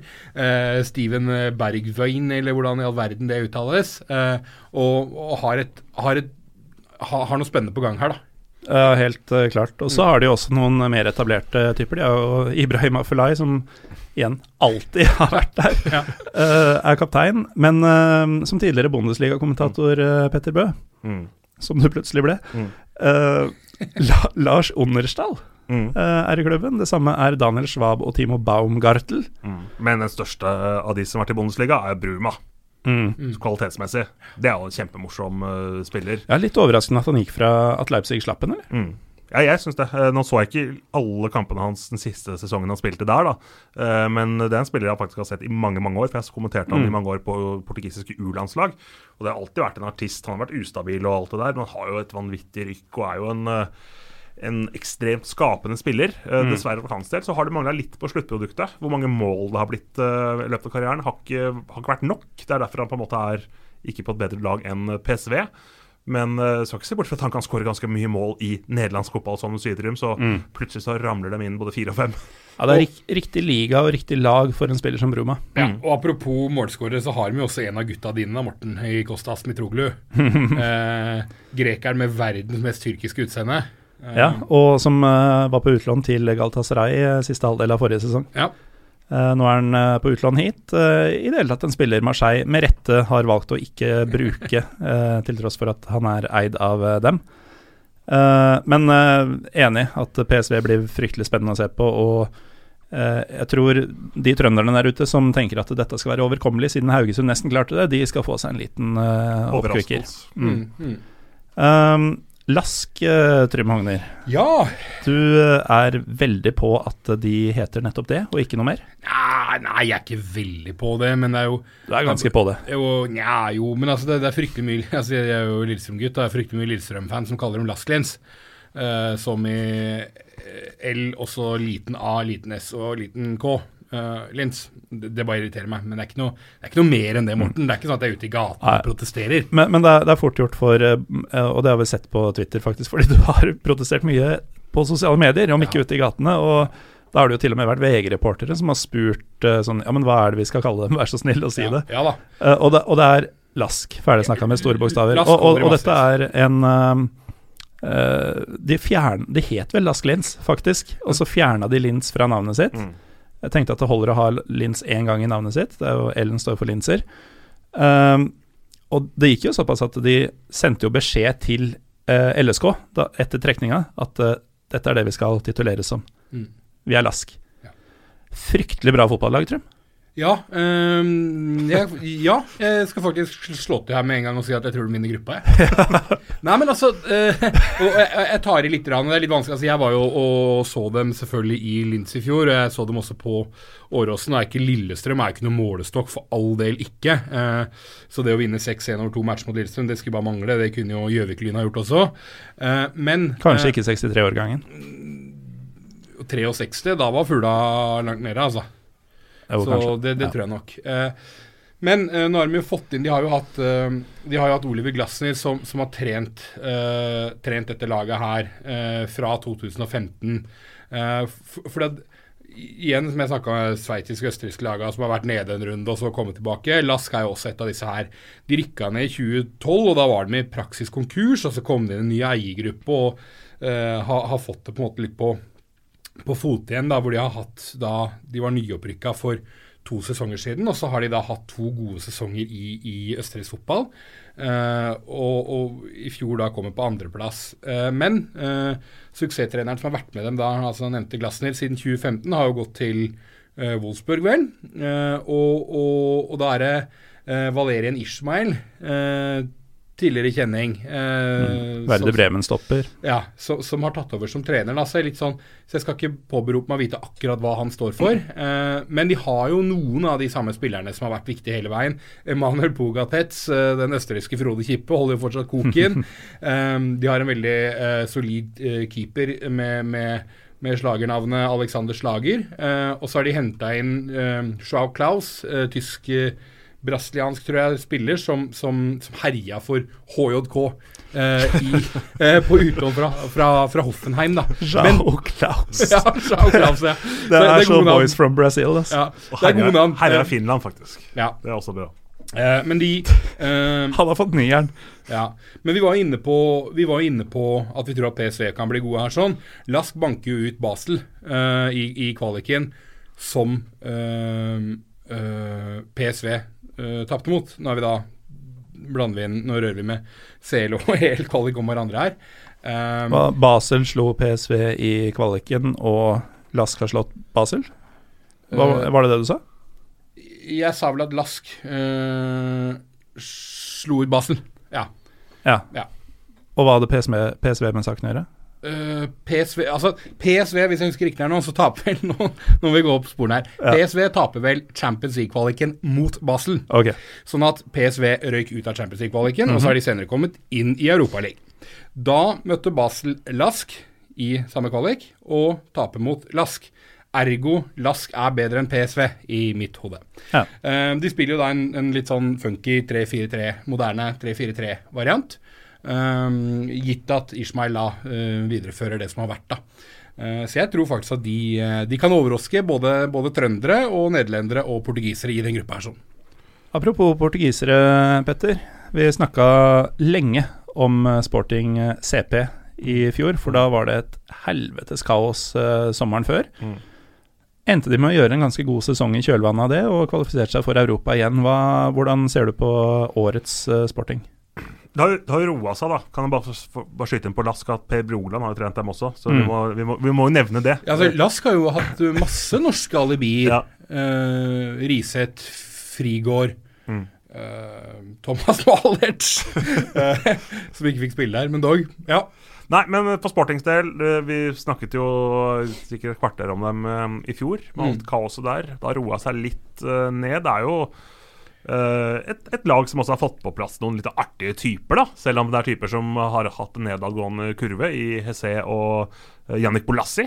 Uh, som kan bli morsomme å følge denne, denne høsten. Og uh, Sporting er jo et, et lag som definitivt uh, Altså det her skjønner jo alle. Sporting og PSV er jo favorittene i gruppa. Ja, altså og, Basert på navn? Ja, men og, og jeg syns fremdeles det, selv om mange mener at dette er en gruppe Rosenborg kan gå videre fra, så har ikke jeg noe troa på det. Nei, nei, nei. I studio her så er det ingen som tror på det.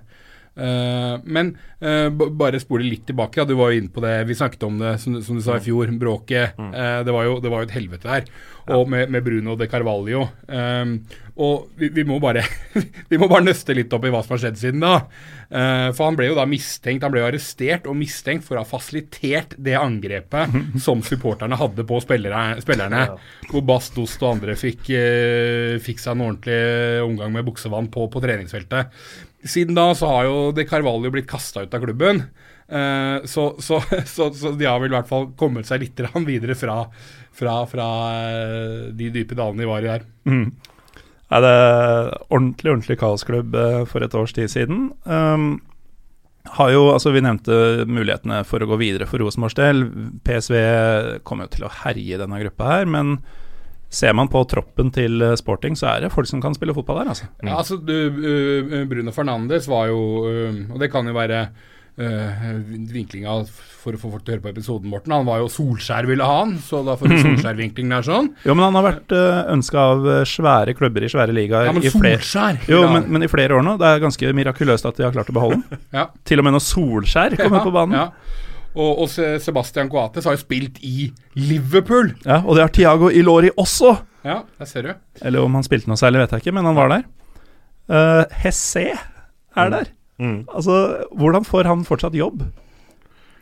Nei, altså Det kan man si. Men, uh, men, men, det er jo en grunn likevel til å sitte og se på dem, da, når du har mm-hmm. sånne typer som man ja. syns var litt spennende og litt artig for en år siden. Og jeg, jeg gleder meg til å sitte og se på han, jeg. Selv om han uh, ja, Jeg husker ikke sist jeg så han var god, men mm.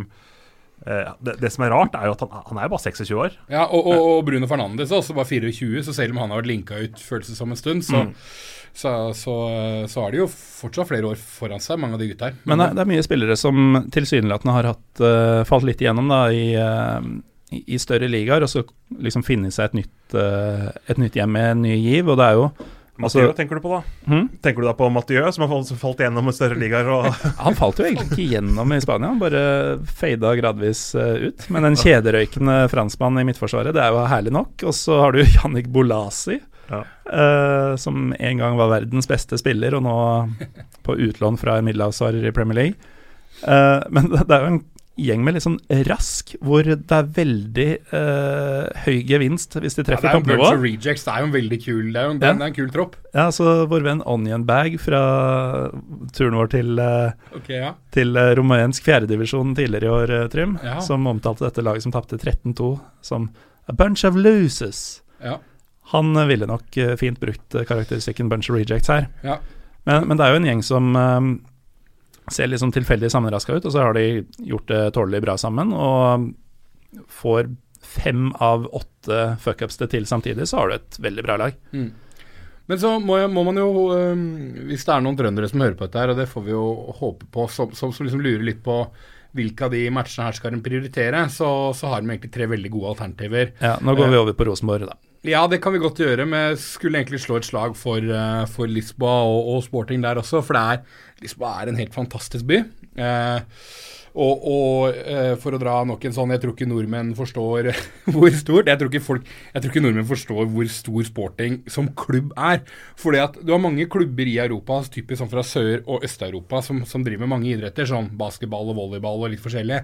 Men sporting driver jo med absolutt alt. Det er jo mm. det er sånne sportsfiske og capoeira, og de, de driver jo med alt. Så det er en helt enorm klubb i en fantastisk by, eh, som jeg absolutt vil anbefale folk å eh, Uh, å reise til, enten for å se eh, Rosenborg borte mot dem, uh, eller bare generelt sett komme seg til, til Lisboa. Da har du flere klubber, og det er enkelt å reise rundt i Portugal. Sporting Club de Portugal, altså sportsklubben fra Portugal, driver bl.a., men ikke limited to, følgende idretter. Ok, Aikido, har en liste, ja. Aikido, friidrett, bueskyting, mm. bilracing, basket, strandfotball, biljard, boksing, canoeing, capoeira, sjakk Eh, noe jeg ikke vet hva er på norsk, e-sport. Fotball for menn og kvinner, futsal, golf, um, håndball, judo, karate, kickboksing, kramaga, paintball. Uh, sykling, um, landhockey, okay. rugby, altså. roing, skyting, sportsfisking, svømming, bordtennis, taekwondo, tennis, triatlon, volleyball og vannpolo. Okay. Og det er noen til. Ja, ok. Altså Hvis folk lurer på hvorfor disse episodene blir eh, lange, Morten, eh, og du peker noen ganger på noen av gjestene jeg, jeg, jeg tror du bidrar sjøl, altså. Jeg tar null selvkritikk. Ja. Uh, men igjen da, til vi, vi skal over på, på, på trønderne, og, og også um, som, som, en fyr som var i Linz i fjor, da, skal jeg nevne det også, at det å dra til uh, Linz også egentlig å anbefale. Den ligger jo rett i nærheten av uh, Wien. Som igjen ligger i nærheten av Bratislava. Så, så, der kan man også på en måte gjøre litt sånn uh, Storeslem? Ja, ja, ta storeslem rett og slett, og få flere byer, og kanskje mer fotball hvis man blir et par dager, da. Uh, Lins, sjarmerende by med noen, noen, flotte utesteder og spisesteder og sånt nå. Så absolutt også et sted for, for trønderne å vurdere å, å, reise til. Lillestrøm kjørte jo på dette stedet Josef. Mm. Er, det, er det noe trønderne burde gjøre også? Uh, altså det var i hvert fall en stor suksess for, uh, for Lillestrøm. Uh, mm. Men nå er det jo sånn at Lillestrøm er jo stort sett bedre på pub enn man er på bane. Så, um, men ja, det, det, fungerte godt for Lillestrøm.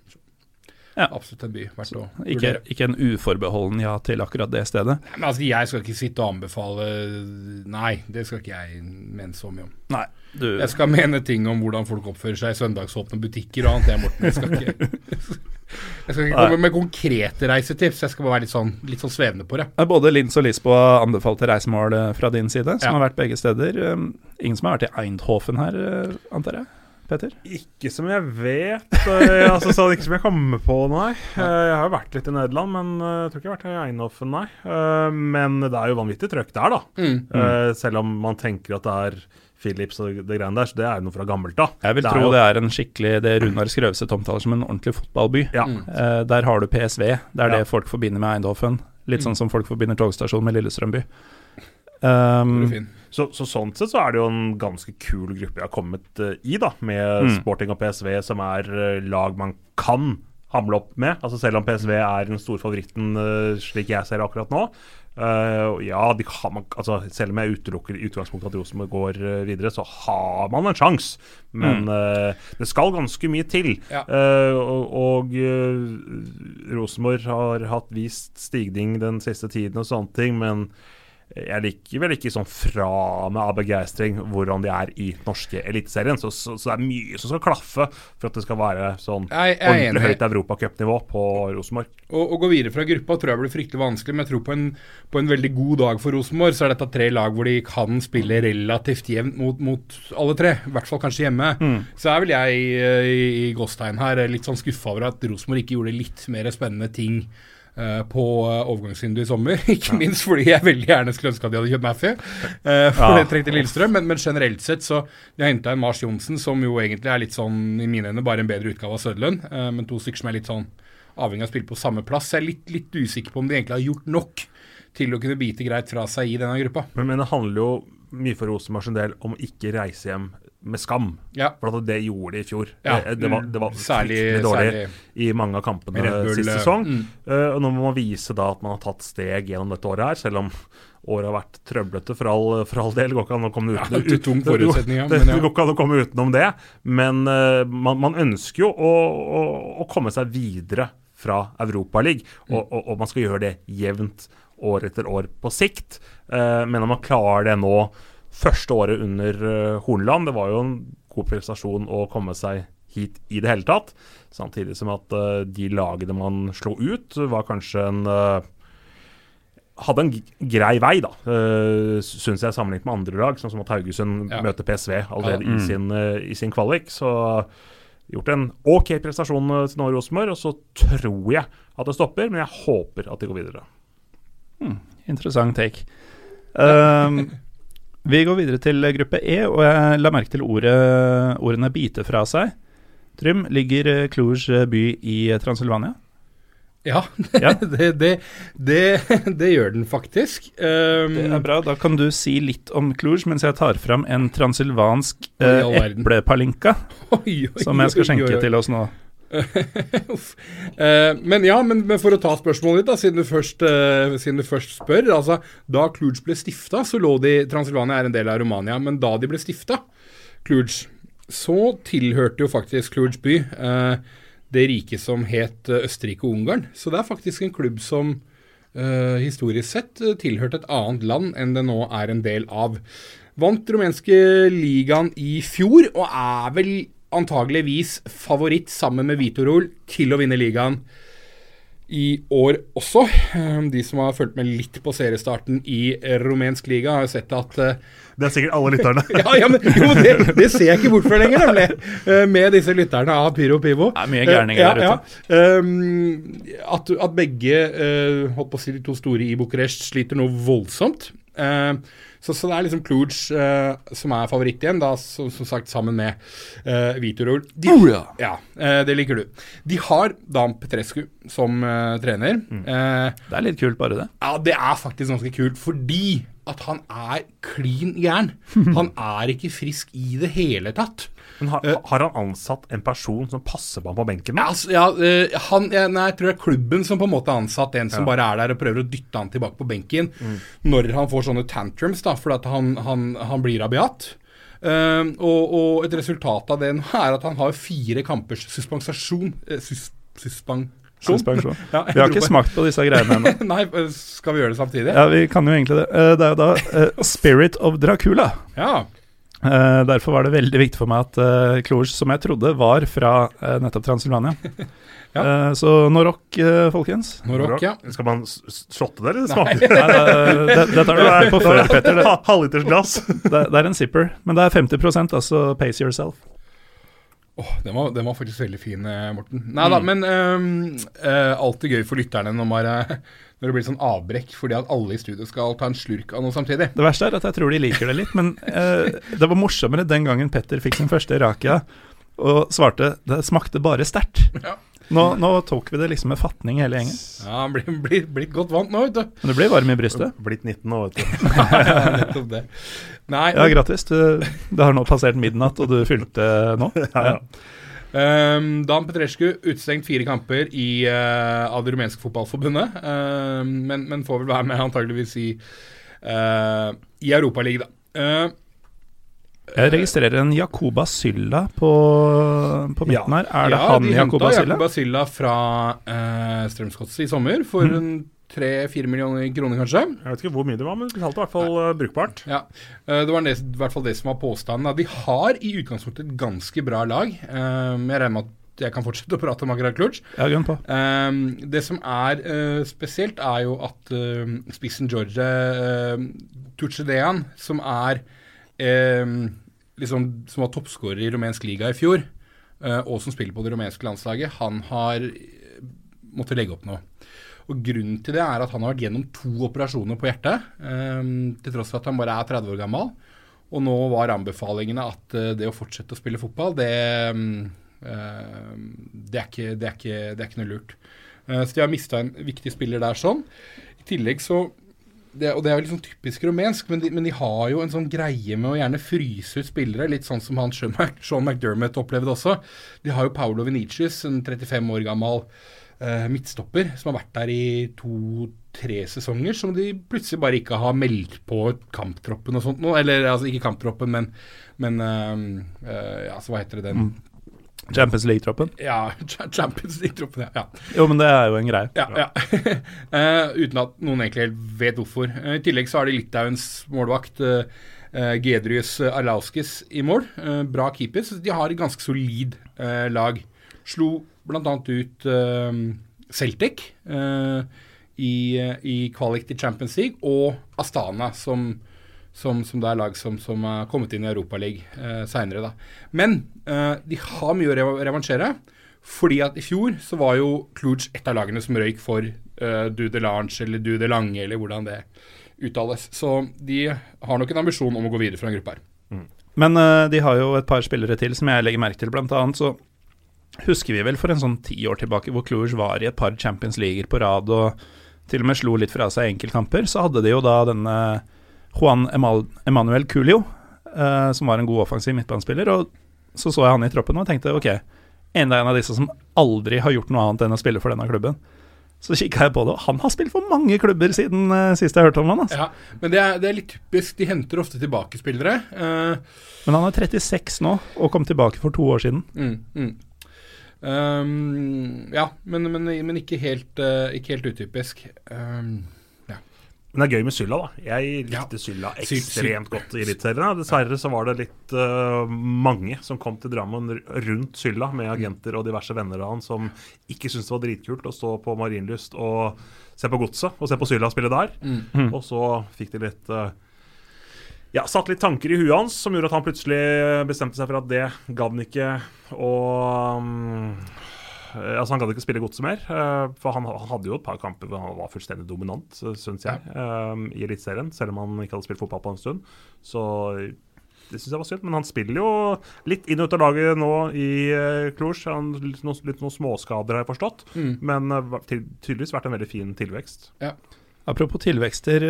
mannen som er berømt og får spille fotball bare fordi han er ganske høy, ikke sånn spesielt, men litt. Lasina Traoré, han er i droppen. Over to meter høy, er han ikke? 2,03, ja. bare. Uh, er han med i laget, eller? Han er jo han er også en av de som har dratt og kommet tilbake. og sånn, Så han er også med i stallen, uten at han har vel ikke spilt. Det har han bare sett i live én kamp i år, og da spilte han vel ikke. Uh, litt usikker på om han er uh, tiltenkt en, en uh, rolle i startelveren eller ei. Men Trym, hvorfor liker så mange rumenere Cluj såpass dårlig som de gjør? Nei, jeg, jeg, tror det kanskje er litt overdrevet. Men det er nok til en viss grad, og det er overdrevet, men til en viss grad så er det jo et slags sånn ungarsk alibi i Romania. Med eh, ungarske penger eh, som pumpes inn, tenker du? Ja, muligens. Um, Romania jo, består jo av flere etniske grupper, hvor rumenske er liksom den største et, si, etniske gruppa i Romania, med, med, god margin, men hvor det også er en del ungarere eh, saksere, sigøynere, eh, serbere og annet. Eh, og Kluc er nok litt hva skal jeg si, beskyldt for å være unga, uh, Ungarns lag. Og det som kanskje gjør dem litt upopulære, det er ikke Klucins skyld, men det er jo at uh, um, Viktor Urban, som jeg tror vi skal prate litt om seinere, uh, og hans regime har en tendens til å investere litt i fotball i andre land.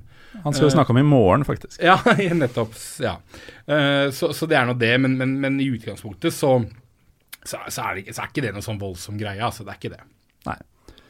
Apropos voldsomme greier. Um, Celtic er med. Ja. Uh, Glasgow er jo en av altså Hvis man regner Braga-regionen som en by, mm. uh, en av fire byer med to lag med. Ikke overraskende er det Celtic og, og Rangers. Uh, jeg veit ikke med dere, men jeg, jeg, har ikke hatt noe lyst til å sjekke opp om Celtic. Jeg føler ikke at det er noe nytt å si. Nei, men altså, bare kjapt, jeg, jeg sa det kanskje, men, men, det er jo interessant at de ble jo slått ut i Champions League-kvaliken av nettopp Cluj. Mm. Um, så Det er jo en klubb de fleste nordmenn kjenner veldig godt til. Da. Spesielt uh, de som er glad i, i Rosenborg, i og med at de har mm. møttes uh, i omtrent alt som er av kvaliker de siste årene. Mm. Uh, men det er jo selvfølgelig interessant med Ayer og Mohammed Elonussi å følge med på dem videre ute i Europa. kanskje spesielt Mohammed Elonussi, for å se om han kan etter hvert kan få litt fart på karrieren sin igjen, etter at det stoppa litt opp nå i Southampton med lite spilletid der. så en fin gruppe for de to, da. Og med tøffe matcher hvor de møter bl.a. Uh, Vallon Berisha i Lazio. Ja, men jeg er enig med deg, Morten. Det er jo mye, det er mye velkjent her. Det er jo fortsatt Neil Lennon som trener. Det er Scott Brown er vel fremdeles kaptein og starter uh, så å si hver kamp. Leif Griffiths, Neil ja. Bitton. Ja, ja. Det, er, meget velkjent. da De har vel vunnet alle jeg tror det er fem kamper som har spilt i skotsk liga så langt i år. Uh, så ja, det føles ganske velkjent, dette her. Det mm. gjør det. Det kanskje mest spennende blir jo å se om eh, Oddson Eduard ja. kan skåre på et uh, ja, både høyere og litt mer variert nivå enn ja. en skotsk liga. Men, men, så langt i år så har han vel putta omtrent i hver kamp, og han er bare 21 år gammel. Mm. Uh, men jeg er enig med deg, for her, her, skal han jo ut og møte mye større klubber enn han møter i hjemlig liga. Med all respekt for Ham Hamilton, Academical og andre. Ikke sant. Ja. Uh, en annen by med to lag er jo Roma, og det mest nazistiske av disse er Lazio, som skal spille mot, uh, mot Celtic. Det kan jo bli Fascistiske, i så fall. Er ikke nazistiske. Da. Ja, ok, da. Uh, potero potaro, som jeg liker å si. Ja. Uh, jeg tok politisk idéhistorie på videregående. Ja. Det er lite av det som sitter igjen, tydeligvis. Men Lazio mot Celtic kan jo bli en ganske heavy batalje i gatene, eller på tribunene. Ja, holdt på å si la oss håpe det blir på tribunene, ikke i gatene, da. Det, det er jo en, en, Ja, det er ikke noe man egentlig ønsker. Men ja, så hva skal man si om Lazio? De, de, de kom vel på en åttendeplass i, i Serie A i, i, fjor, men de har jo vært med i Europaliga-gruppespillet nå eh, flere år på rad. og Det blir spennende å se om de eh, hva skal jeg si, kan ta, ta steget i Europaligaen og bli et av de lagene som, som, som, er med og går omtrent hele veien. da. Mm. Uh, det er jo, ja, nevnte, nevnte selvfølgelig Valon Berisha, som er spennende å se, men Sergej Milinkovic-Savic er jo fremdeles der. Uh, også godt gjort å holde på han, litt sånn som Bruno Fernandes i, i Sporting. Ja. Um, og Simone Inzaggi er på sitt tredje, kanskje, det ble kanskje hatt i hodet, men noe sånt noe år i Lazio, så kanskje det kan være et år hvor de tar, tar noen flere steg, da. Ja, for det føles som et lag som eh, Altså, én ting er hvor langt det går i Europa, men de føles litt sånn fanga i fjerde til åttende sjiktet i Serie A. At, ja. uh, og, og, det er jo en ganske aldrende gjeng uh, i stor grad også og det er det nok litt uh, også. Nå har det jo kommet en del spennende signeringer til Serie A sånn generelt sett denne sesongen. Så har kanskje ikke Lazio hengt helt med på det toget, selv om de har et par uh, spennende typer de har fått inn uh, også. Men sånn, for å liksom, tenke for min egen del, da, grunnen til at jeg har lyst til å se Lazio, er jo egentlig bare Berisha. Mm, mm. For det er spennende med en Kosovo-albaner. En, en, som er oppvokst i Norge, uh, som har spilt for Viking og, ja. og, alt det der. Jeg har ikke noe problem med at han har valgt å spille for et annet landslag. Jeg syns det er stas uansett, ja, med han ute i Lazio. Hadde jo masse nå, er du fin. Nå er du fin. Det er klart det var morsommere å ha spilt for det norske landslaget. Ja, det hadde vært morsommere, men ja. altså nå, nå, nå, har vi vet om ja. Vi, vi, vi, vi, får ta det. Ja, man, kan, man, kan, ikke få både i pose og sekk. Det, det, er for så vidt sant. Nei, men altså, det er kult. da Det er Gøy å se han Kosovo-kampen der mot England. Mm. Eh, også at han skårer to, to kasser der og kunne fått fiksa straffe Eller hvis han hadde fått straffene, så hadde han skåret tre mål. Ja. Men han starter vel fremdeles ikke regelmessig for dem, virker det som, denne sesongen heller? Nei, men han er på en måte akkurat tilbake fra, fra skade, har jeg forstått. Så, så, så det, er nok en, det er nok en vei fram. Ja. Eh, men apropos albanere, de har jo også en spennende, kanskje et undervurdert keeper i, i Thomas Strakosha, eller hvordan i all verden det uttales? Noe sånt. Og så er det jo bekken Risa Dormisi, som riktignok eh, er dansk, men av albansk ætt. Ah. Og i det hele tatt, for sånne som deg og meg, Trym, så er det jo mye Det er jo, det er jo klubben til Igli Tare, dette her. ikke sant? Så det er ikke så ja, rart at de har de albanske Men, men det, er ikke så rart. med etter Berisha så de har jo litt sånne ja. albanske keepertradisjoner. Ja, men, men igjen, mm. Igli Tare uh, styrer, vet du. Men uh, så er det jo ikke bare ja, Nå er det for så vidt ikke noe særlig serbere igjen, da, men, uh, men det er jo en klubb med sterke Balkan-tradisjoner ja, i nyere tid. er kaptein. Ja, Senad Lulic er kaptein, og så har du jo uh, Adam Marusic på ene vingbekken, er det vel. Du har Milinkovic Avic, som vi har nevnt. Du har Stefan Radu fra mm, Romania. Romania. Så det er mye snacks for, for, deg og meg, i hvert fall. Ja da, absolutt. Og også spillere fra, i hvert fall noen av dem, fra land hvis Eh, politiske mindset kanskje treffer ganske bra med supporternes. Det kan tenkes. Prikk, prikk, prikk. Ja. Uh, Renn fra Bretagne. Ja. Mm. Uh, vil dere høre hva jeg har på dem? Ja. Ingenting. Nei. Absolutt ingenting. Jeg har en enkeltspiller. Okay. Uh, Eduardo Camavinga, som i august nå ble månedens spiller i league A. Mm. Han, er, han, har spilt anker og jeg tror han hadde en kamp som indreløper. Uh, hvorfor det er interessant at han ble månedens spiller, er at han fyller i november 17 år. Oi. Han har altså som 16-åring tatt league A med storm. Uh, og folk forventer jo selvfølgelig enorme ting av han. Uh, grunnen alene til å i hvert fall ta en titt på renn når de spiller innimellom, for å se hva vi har med å gjøre her, om han er ekte vare eller ikke. Men foreløpig så ser han jo virkelig sånn ut. Uh, og dette er jo noe for deg, Trym. Han, har, han er født i Angola. Og han har kongolesisk statsborgerskap pga. foreldrene, mm. men har bodd i Frankrike siden han var to. Ja. Hvilket landslag bør han velge? ja, da, da, må han jo velge det landslaget der hvor han har lært seg å spille fotball, og som har gitt han en mulighet til å bli en god fotballspiller. Så Angola eller Kongo? Ja, hvis han spilte hvis, hvis liksom hovedutviklinga kom før han ble to år, greit nok. ja, det, det kan det godt ikke, være. Ikke har. Men, men, men Renn er vel De er jo med De, de kom jo på tiendeplass, vel, i ligaen i fjor, så de er med De vant cupen. Ja, det var en helt vill cupfinale. Ja, ja. Straffekonken der, og de bildene av keeperen som spurta og jubla, og det var helt sjukt. Helt, helt massiv underdog. Mm.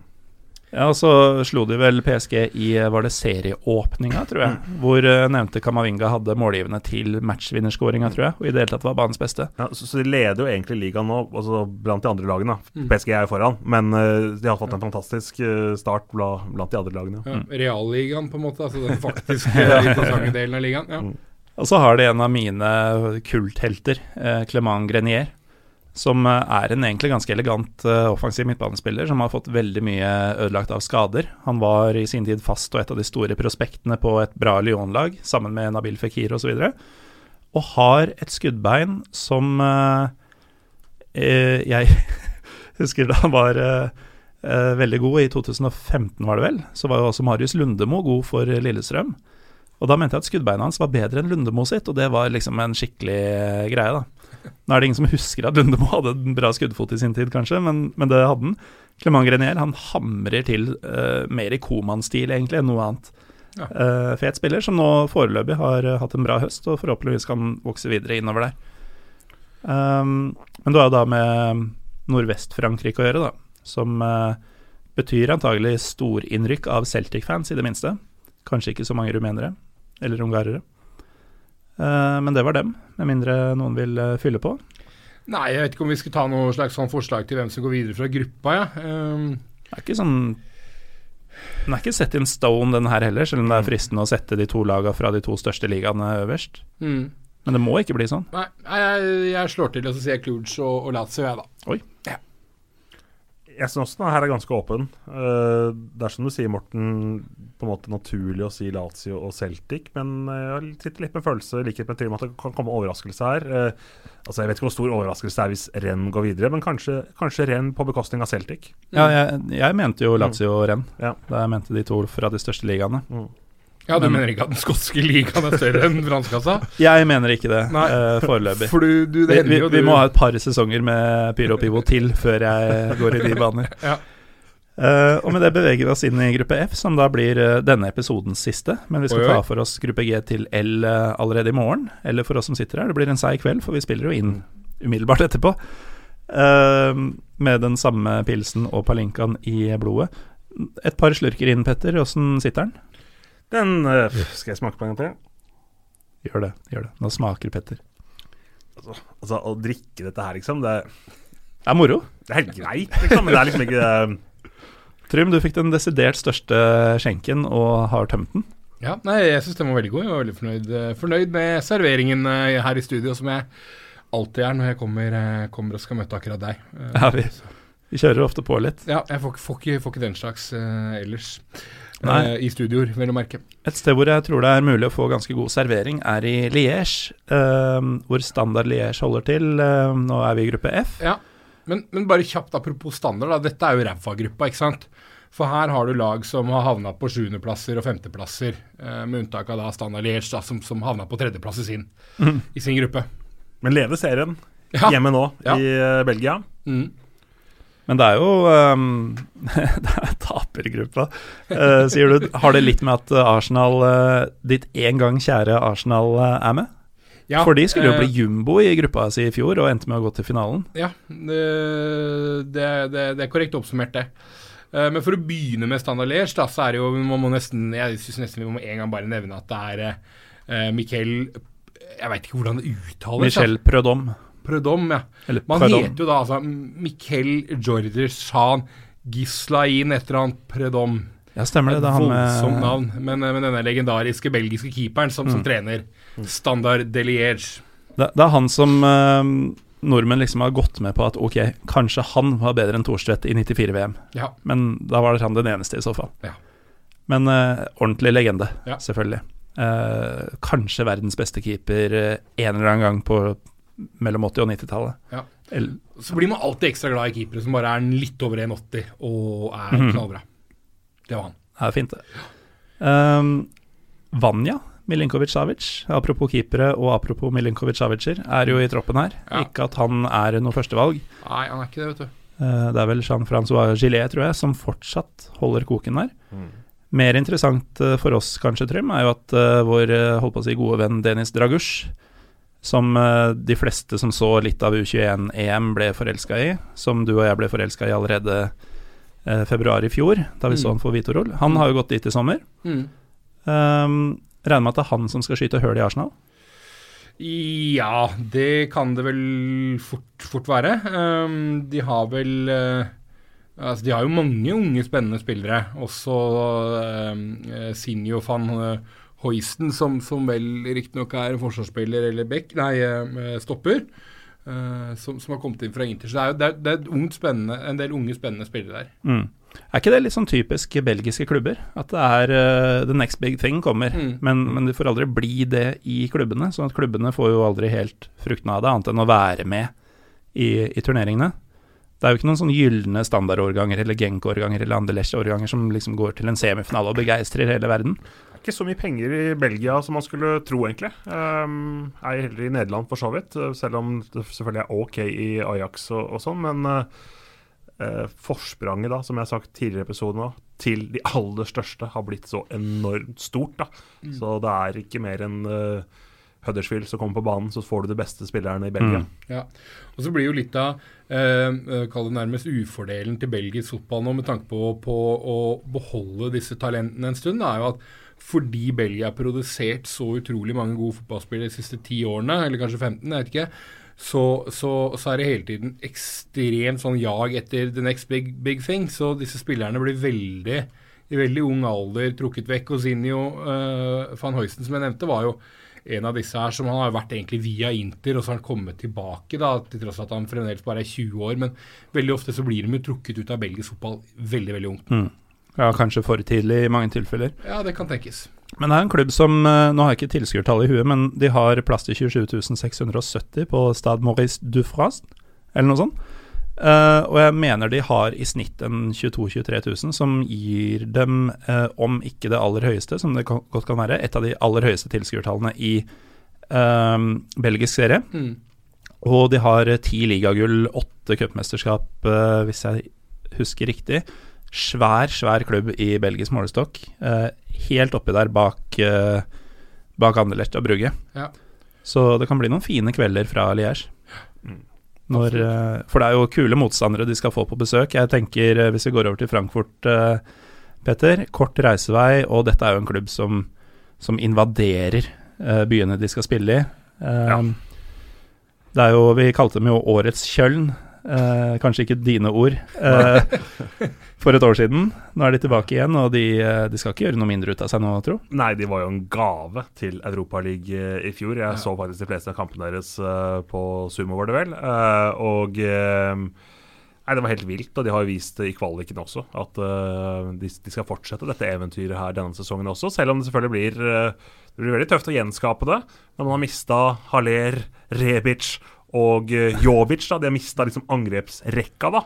Hele angrepsrekka? Jo, ja. men til gjengjeld så har de jo da fått inn Bastos, som er deres favoritt, da. Mm. Ja, Bastos er fin, så, ja. så det blir morsomt. Uh, morsomt med han, og så har de den samme treneren og alt sånn, men han starta helt middels i, i, serien, da. Ja, og vi, vi, vi, sa jo på denne tida i fjor at vi håpa at Adolf Hytter ville vise seg som en god hærfører, ja. og, og, det gjorde han jo virkelig. Ja da, ja da. Adolf, han uh, han er, du er like fornøyd med den i, i 2019 som det var i 18, Morten. Jeg synes det er så nydelig. Ja. Østerrikske Adolf Hitter er ja, da, en god hærfører, kan vi slå fast. Hele, hele her, det var jo nettopp det å invadere andre land de var fantastisk gode på også. Uh, uh, Eintracht Frankfurt-fansen, for de var jo altså det, det bortefølget de hadde på en del av de matchene i fjor, var jo helt fantastisk. Så Eh, så Det er noe av det man faktisk gleder seg til å se i år. Hva de får til både på, på bortebane og på TIFO-fronten og annet. Ja, fordi Hva slags klubber er det som kjører en kjempetifo hjemme mot Flora Tallinn i, i uh, kvaliken? Nei, det, det, er, helt sykt. De spilte ganske jevnt mot Flora Tallinn over to kamper, gjorde de ikke det? Det må rett skal sies her. Jo, de, de gjorde vel det, ja, men ja. Uh, det er litt sånn klassisk tyskerlag i starten der. Men, men, samtidig kan tenke deg den invasjonen inn mot Arsenal-kampen. Mm. Hvor viktig det er for, for, tyskerne å vise fram sin fotballkultur til eh, museet på Emirates mm. Stadium, som en del eh, omtaler den arenaen som. Og Så er det spennende å se hvor mange som får slippe inn. da. For det har jo vært mm. episoder med tyske lag som har kommet hit og dit, hvor det var vel Köln? Ja, det, det var jo 20 000-25 000 kjølnere i, ja. i, i gatene utafor for Emirates for to år siden, er det vel? Ja. Hvor, uh, hvor, det fantes noe sånt som 5000 billetter. Mm. Og så var det jo heldigvis ikke sånn at Arsenal kjøpte så veldig mange billetter, for dette var en usexy kamp for dem. Ja. Ja, men altså helt, helt ærlig, det er London-publikummet der, eller egentlig det, man kan kalle det det skandinaviske asiatiske publikummet, for det er det det i praksis har blitt, uh, i London kan finne på å synes at Eintracht Frankfurt er litt usexy òg. Altså, så det hadde ikke forundra meg. Men, men det, går, det går selvfølgelig også på at billettprisene er høye for dem, da. Det, ja, ja, jo, da, det, det, det finnes Arsenal-fans i området der, men når det, koster, når det, er billigere å fly til Tyskland og se på Eintracht, og fly tilbake og bo på hotell Ja, dette er noe de systematisk har ødelagt over tid, uh, absolutt, men det er vel også litt derfor kanskje at noen av disse tyske lagene som, er litt sånn, som kommer fra en veldig motsatt kultur, da, syns kanskje det er ekstra gøy å dra akkurat til Emirates. Mm. Og liksom vise at de står for i praksis det motsatte. da. Ja, for det er ikke noen tvil om at de er stolte av dette her, og hele Europa la merke til dem. Og det mm. har, de, har de lyst til å bygge videre på i uh, årets uh, sesong. Og ja. uh, de er, samme Arsenal selvfølgelig, de helt opplagte favorittene til å gå videre her. Mm. Skulle like gjerne hoppe til Arsenal da, Trym? Ja, det kan vi, kan vi godt gjøre kanskje det aller største sjokket i Europaligaen i fjor. Arsenal gikk videre fra sin gruppe og hele veien til finalen. Ja, øh, ja da. Havna jo Og det, de får en farse. Så når de først havner i finalen, så får de da ikke hatt med seg Mkhitarian, som da var var vel den spilleren som hadde hatt flest målgivende for Arsenal i Europaligaen i fjor. Og så får han ikke vært med i finalen fordi han er armensk, og finalen ble spilt i Aserbajdsjan. Så det var jo et forbanna rør. Heldigvis går finalen i år i Gdansk, så hvis Arsenal skulle finne, finne, på å melde seg på der, så, så bør ikke det være noen hindring, uten at Miktarian er for så vidt ikke lenger heller. Nei, det er... Uh, nei da, men, men, altså, det har jo vært en altså, Arsenal har jo starta sesongen i Premier League nå. Uh, sånn Tabellmessig så ser det jo liksom litt sånn ut som det er litt sånn status quo. Men uh, realiteten er jo at det har vært, det har vært veldig, veldig dårlig, sånn, sånn med tanke på spill. Uh, Men er det ikke sånn at Arsenal-fans, uh, som jeg antar at du i hvert fall hører litt fra innimellom, om du ikke er så aktiv selv lenger, mm, mm. Uh, i utgangspunktet var veldig fornøyd med overgangssommeren før sesongen? Jo, tidlig Off så var man Offensivt var man nok det. Tidlig så var man nok det, spesielt som, som, som Petter sier, offensivt, så, så, så, var det jo veldig spennende. Men så, så skal det jo sies at helt på slutten her så forsvinner jo da både Monreal som Eh, kanskje ikke alltid har vært så bra, men som har vært en litt sånn stødig Kanskje ikke bruke ordet klubblegende, men en, en, en, en bærebjelke i laget. Mm. Men, men, forsvinner ut. I tillegg så forsvinner Miktarian ut. Og man har ikke klart å forsterke det defensive i noe særlig grad. Og der ligger jo veldig mye av problemet til Arsenal. Uh, jeg så en sånn statistikk på det her uh, forleden dag. At det, det, det, har ikke vært én klubb så langt i serieåpninga i Premier League, Serie A, Bundesliga eh, eller den franske ligaen, tror jeg, som har sluppet til flere skudd enn det eh, Arsenal har gjort så langt i år. Så, eh, så det, det, det, vakler Altså, det er det, det, henger ikke på greip hjemover. Uh, og de ble jo tidvis kjørt over av Watford i uh, forrige Premier League-match, når, når, vi sitter her i dag. Men uh, sånn på papiret så skulle jo Kieran Turney, som var den venstrebekken de skulle ha, mm. Og David Louis skal jo være nok til å demme opp for en aldrende Monreal. Og så har du Dani Ceballos som skulle i hvert fall bringe balanse til midtbanen. Jo, akkurat han har sett ganske bra ut. Når det gjelder Tierney, så tror jeg kanskje at det handler litt om tid. Igjen, han er vant til å spille mot Hamilton Academical, og, og Monreal har vært der i mange år, så, så, det tror jeg kanskje handler litt om tid. Det kan være at det går seg til. Eh, Ceballos har sett, eh, har sett uh, ganske bra ut, i hvert fall tidlig i første kampen han var involvert i. Men hvorfor snakker vi om disse spillerne her? For det er jo Joe Willoch og gjengen som skal spille ja, Europaliga for Arsenal. Godt, godt poeng. Ja. Uh, og det kommer de til å klare veldig godt. Uh, disse unggutta som uh, igjen da får en fin erfaring i Europaligaen, og de har jo Europaliga-eksperten, da ved roret. Man kan mm. si mye fælt om Unai Emery, men han tok dette hat tricket med Sevilla og vant tre år på rad. Det, altså det, det er helt sjukt å tenke på at de faktisk ja. klarte det med Sevilla, selv om det var et godt lag, men tre år på rad. Tre og, på rad altså. og for Arsenal, da. Uh, all den tid man ikke vil ha mulighet til å kjempe om sånn type topp to i Premier League i år. Best case scenario er tredje-fjerdeplass. Det er best case scenario i Premier League. Så så lenge det er situasjonen, så, så bør Europaligaen i seg selv være en veldig veldig stor motivasjonsfaktor for Arsenal. Fordi at en type fjerdeplass i ligaen og et eventuelt øh, altså eventuelt vinne Europaligaen vil være øh, Altså det er lik en veldig bra sesong for Arsenal. Mm. Uh, og da, som du sier, Petter, med, med Una Emery ved roret, så, så, så, bør jo uh, noe ligge til rette for at det kan gå. Ja, han er den treneren som har leda flest kamper i Europaligaen sin historie. Neste match er det 75. kampen hans. Ja. Og Da har han jo også kommet til en perfekt klubb i Arsenal, egentlig. altså Ikke flåste ment, for det er jo Europaligaen Arsenal hører hjemme. Ikke sant. Uh, en potensiell hindring på veien til ny, uh, et nytt avansement, og, og finalen er jo da Vitoria de Guimaraes. Ja. Populært kalt uh, på oversatt fra portugisisk Dem fra Guimaraes. Mm. det var vel Altså, De er jo fra samme område som Braga, og da igjen en del av denne to klubber-greia. Eh, altså, de ligger vel sånn litt i utkanten av Braga, litt midt mellom Braga og Porto, tror jeg kanskje. Ja. sånn denne byen. Men jeg føler vi har snakka om dette før, at begge to er med, at de ikke er fra samme by. Eh, det har blitt en slags rutine. Ja, og, og, og, for min del, jeg vet nesten ikke fargene deres engang. Er det noen av dere Åh, som har sett Det er svart og hvitt med en av de vakreste logoene i Nei, vet, hele Europa. Jeg vet egentlig det, men, men det er sånn, har noen sett dette laget i aksjon?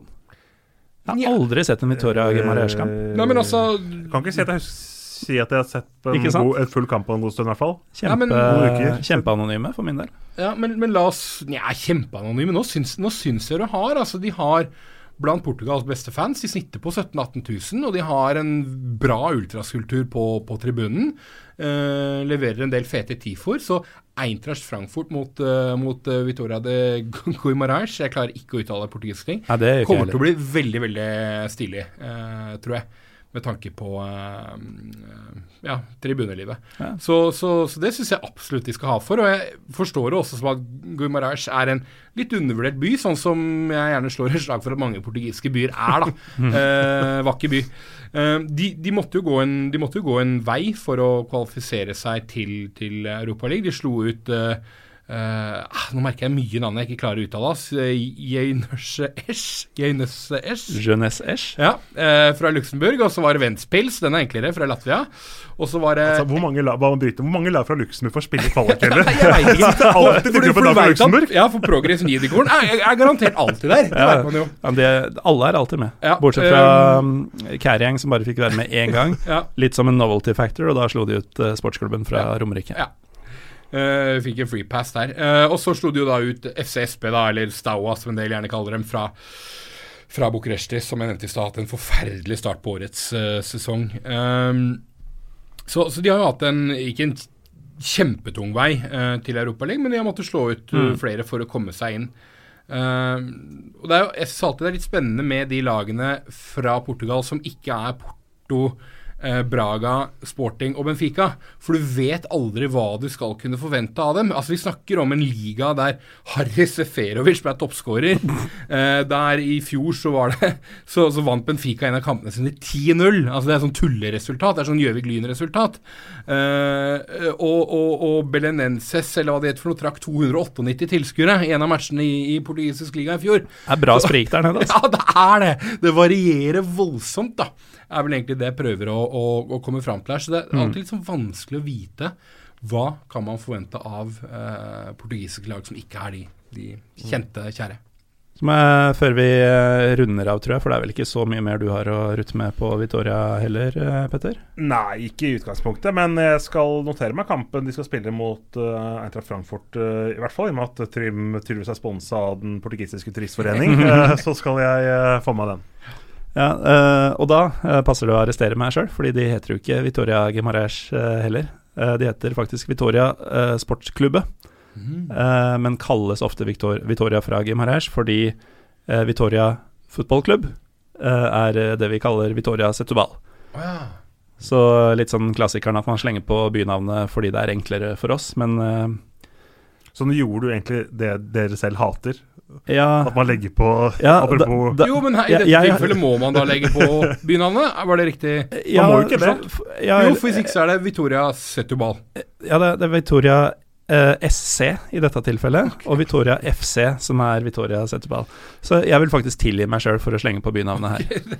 jeg, fort, ja. jeg, jeg, tenkte bare at det var viktig å, å ta det før eh, Jan Hagen og Stein José og disse Portugal-gutta kommer på banen med, ja med pekefingeren. Dukker alltid opp noen på Twitter og gir deg litt verbal juling. Uh, Trym Hogner og Petter Bø Tosterud, takk for nå. Takk for nå. Vi, uh, vi fortsetter innspillinga ganske straks, men uh, dere der hjemme får høre oss først om en dag. jeg heter Morten Gallosen. Vi har en hjemmeside som heter som Hvis adresse er pyropivo.com. Og på Twitter og Instagram så er vi pyropivopod. Takk for nå, og vi høres straks med gruppe G til L.